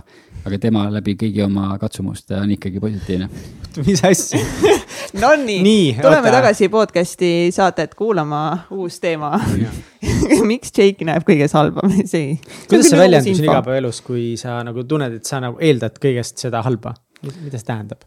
ma ei tea, kasvõi näiteks kellaaegadest kinni pidama eeldan, klient jääb hiljaks, siis ma tulen ise varem kohale ja ma ise nagu kasvõi mingi pool tundi varem kohal, sest et äkki ta tuleb varem, ma pigem ise olen enne kohal ja kui ta tuleb õigel ajal, siis see on nagu positiivne üllatus üleüldse, noh, üldse kõikide muude asjadega samamoodi, et ma pigem, kui ma eeldan nagu kõige halvemat, siis ma alati nagu saan kas kinnitust sellele või ma olen positiivselt meelestatud või nagu positiivselt üllatunud siis mm, -hmm. aga kui oleks nagu vastupidi, siis ma peaksin, ütleme, et ma eeldan, et kõik on nagu hästi, on ju, ma eeldan, et te olete kõik õigel ajal kohal, aga siis klient ei tule, siis ma nagu pettun ja siis ma peaks oma elus äh, tundma pettumust, aga läbi selle nagu sa ei saa pettumust tunda otseselt siin põrkuvad nüüd kaks koolkonda väga tugevalt ja ma olen ise nagu mõelnud nende koolkondade üle mm. -hmm. üks pool ongi see, ehk siis, mis on õnnevalem low expectations, eks ole mm., madalad ootused, kui sa ootad kõigest hästi vähe yeah., siis su elu saab olema päris hea, sest enamasti siis su ootused on ületatud mm. -hmm aga teist ja, ja aga nagu teine pool on see, et jällegi, et kui sa nagu mõt-, noh, et võib-olla sa nüüd ei keskendu negatiivsele, kui sa ikkagi ootad seda negatiivsust kogu aeg, siis paljud ütlevad, see tõmbab seda ligi.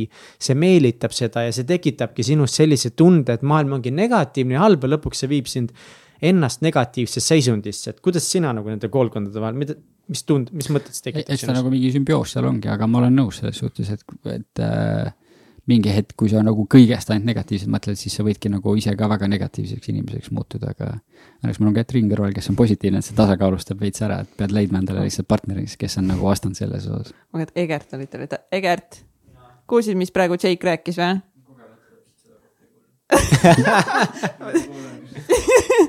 ei, sa oled lihtsalt samasugune, see, kes nagu põhimõtteliselt ootab kõige-kõige halvemaid asju, mis sinuga saavad juhtuda ja siis ju asjad ainult saavad paremini, et Jake on samasugune. nii et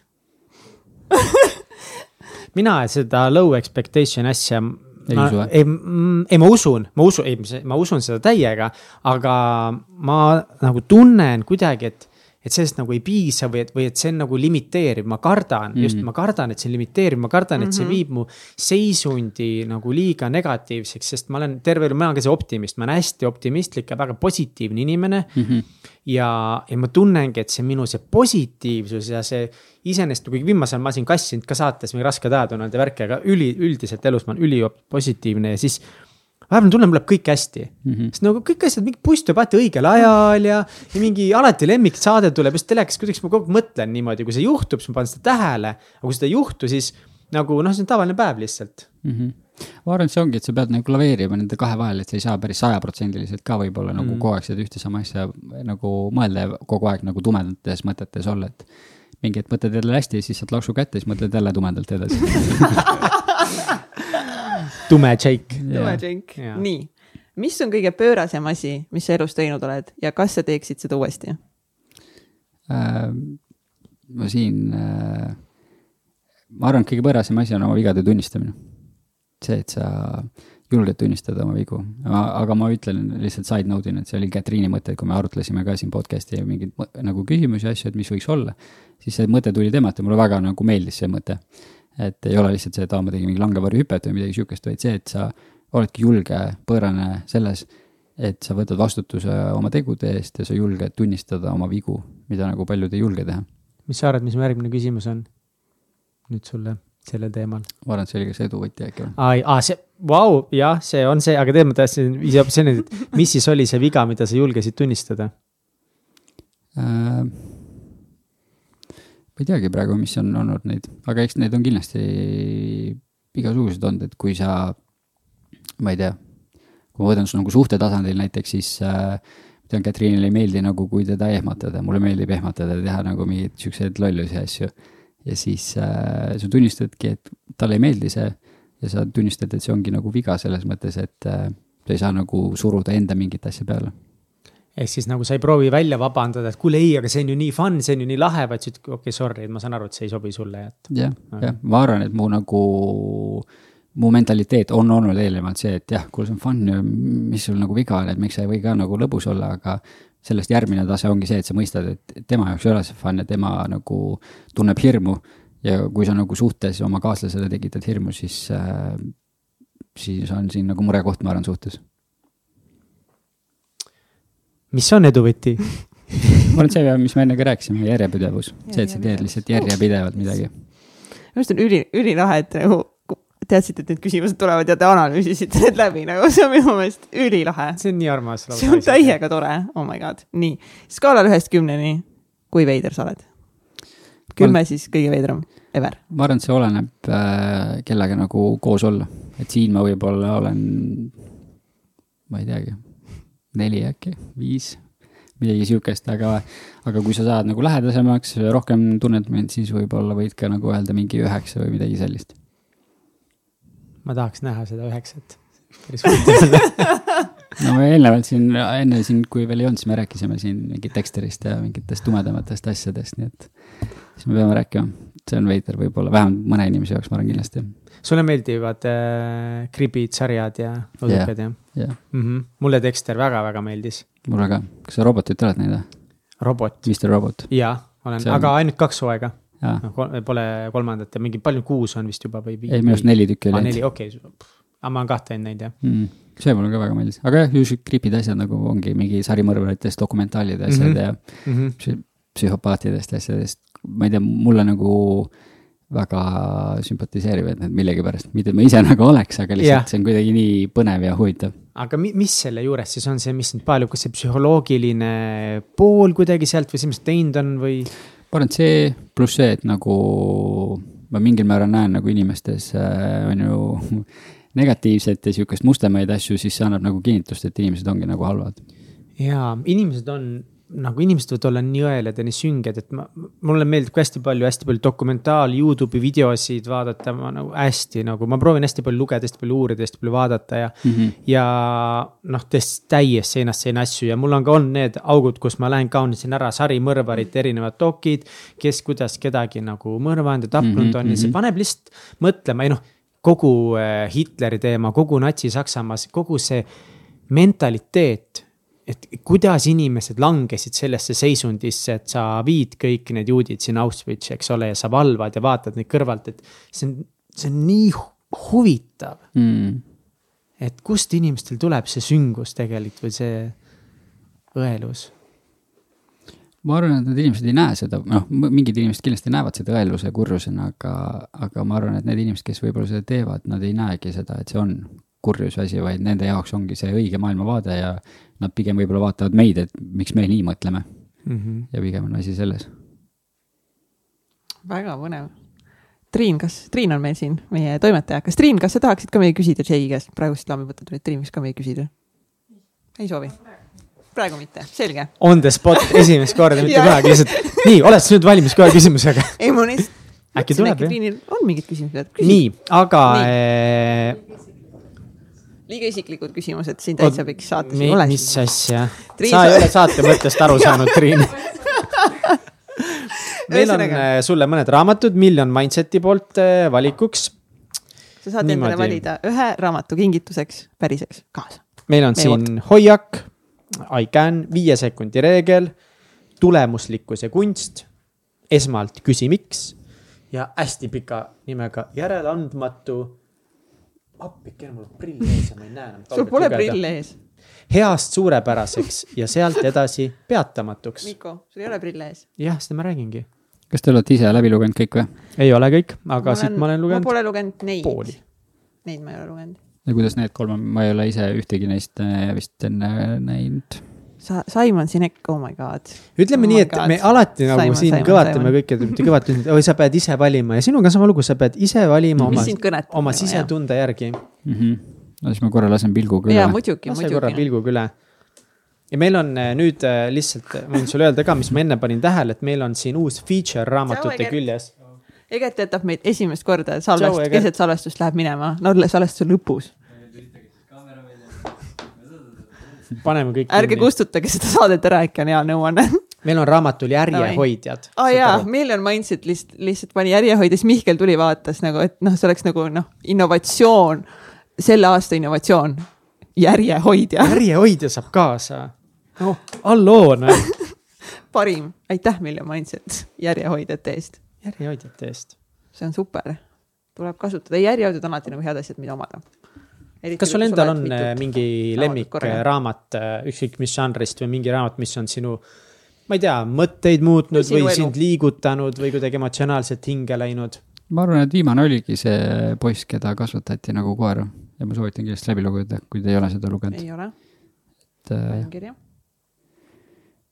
äh, tead, ma nii, sul on kümme sekundit ma teen aega. niimoodi.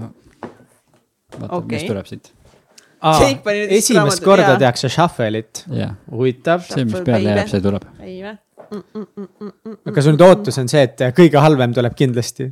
nii, see tuli. super, I can, hoia. hoiak. väga hea, lihtne. Jake, kust meie kuulajad saavad sinu tegemistel silma peal hoida? ma arvan, mul sotsmeediakontod Facebookis, Instagramis, kuigi ma väga aktiivne seal otseselt ei ole, sest et äh, ma ei jõua neid hallata. aga kui ma midagi panen, siis sealt võib näha mind. Siis see on puhas kuld, kui juba Jake midagi paneb, siis Jah. ainult kuld. Oh my god. jaa, aga ikkagi no No. ootused madalal, ootused madalal. selles mõttes nagu tõenäoliselt mitte keegi ei lähe vaatama neid ega tegema mitte midagi. kes teid ikka kuulab nagu? ja, Jaa, kes, kes meid üldse kuulab, kuulab, nagu kes läheb Instasse vast follow ma nagu tõenäoliselt mitte keegi Ja lõpuni ei kuule nii või naa keegi. ja, ja, ja, ja see lõpu ramblimine, jumala lamp nii et. aitäh sulle nii väga aja eest. nii, nii tore, et sa tulid meile saatesse. see oli nii põnev vestlus, ma nagu ei, ma, ma teadsin, et siit tuleb hea saade, aga ma ei oodanud nagu nii nagu mõnusaid vestluseid kuidagi nagu see oli nagu nii teistmoodi saade. ma tahaks sinuga suhetest Hingele. edasi veel rääkida. ja, ja, ja, ja, et see on nagu ainult see, koorid nagu kohvitassi taha. natuke pinda. jah Mm., kohvi sa ei joo, alkoholi ei joo, nii et vee, vee, veeklaasi taha. veeklaasi taga jah. Vee- Te peate tegema nagu küsitlused, kellega te tahate vol kahte teha või asju. siis saate uuesti kutsuda inimesi. Ja selle Vol kahega mm. me siin, meil on, me oleme lubanud rahvale mingite inimestega Vol kahtesid teha ja nüüd me natukese oleme hädas nende lubaduste täitmisega. mm,. inimesed ei taha tagasi enam tulla. Ei, inimesed tahavad täiega ei tulla. jõua kõiki nagu ongi, et nagu mingi nii palju Jaa. inimesi, keda tahaks veel kutsuda ja siis panen teised sinna vahele ja, ja me täiesti off topic selles mõttes, aga nagu me kahekesi katsiga arutasime, et tegelikult Vol kahe tegemine on palju keerulisem sest see peab olema palju rohkem kureeritud, rohkem teemast, sest täna me tutvusime, rääkisime seinast seina, mida mm -hmm. sa Mhm. tunned, mida sa arvad. aga järgmine kord me ei saa sinuga tulla, et aga kuidas siis üldse läheb, mis sa elus teed, mis Austraalias tegid Jaa. Mhm, no sa pead jah, väga palju sügavamaks minema mm? -hmm. see nõuab jah palju rohkem või siis, pingutust. või siis su elus peab olema toimunud selle aasta või kahe jooksul nagu midagi väga drastilist, mingid Jah. suured väljakutsed, millest sa saad siis uuesti jälle rääkida. aga me tegeleme nende part kahtedega samas see suhete teemal omal lahe oleks sügavaks minna sinuga, mulle täitsa see meeldiks. sügavaks, väga sügavaks. nii et siin suhte eriepisoodide värki, no jumal teab, jumal teab, mis maailm toob. ei tea jah. aitäh veel kord aitäh, Jake, Aitäh teile. väga kuulamast tore ja tšau, tšau, tšau, tšau. aitäh, et kuulasid saadet Täitsa Pekkis. saate tõid sinuni Katrin Hindrikus-Karu, ja Mihkel Vetemaa. tehniline juht Egert Karu. NATO superspai Triin Tallo ja ÜRO Supreme Manager Kelly Treu. kui see saade läks sulle korda ja inspireeris sind, siis toeta meid ka Patreonis patreon.com kaldkriips Taitsa Pekkis. Saadet toetavad United Dream Studios, Tint Design ja Million Mindset kirjastus. uus saade igal esmaspäeval. Kuulmiseni, Kuulmiseni..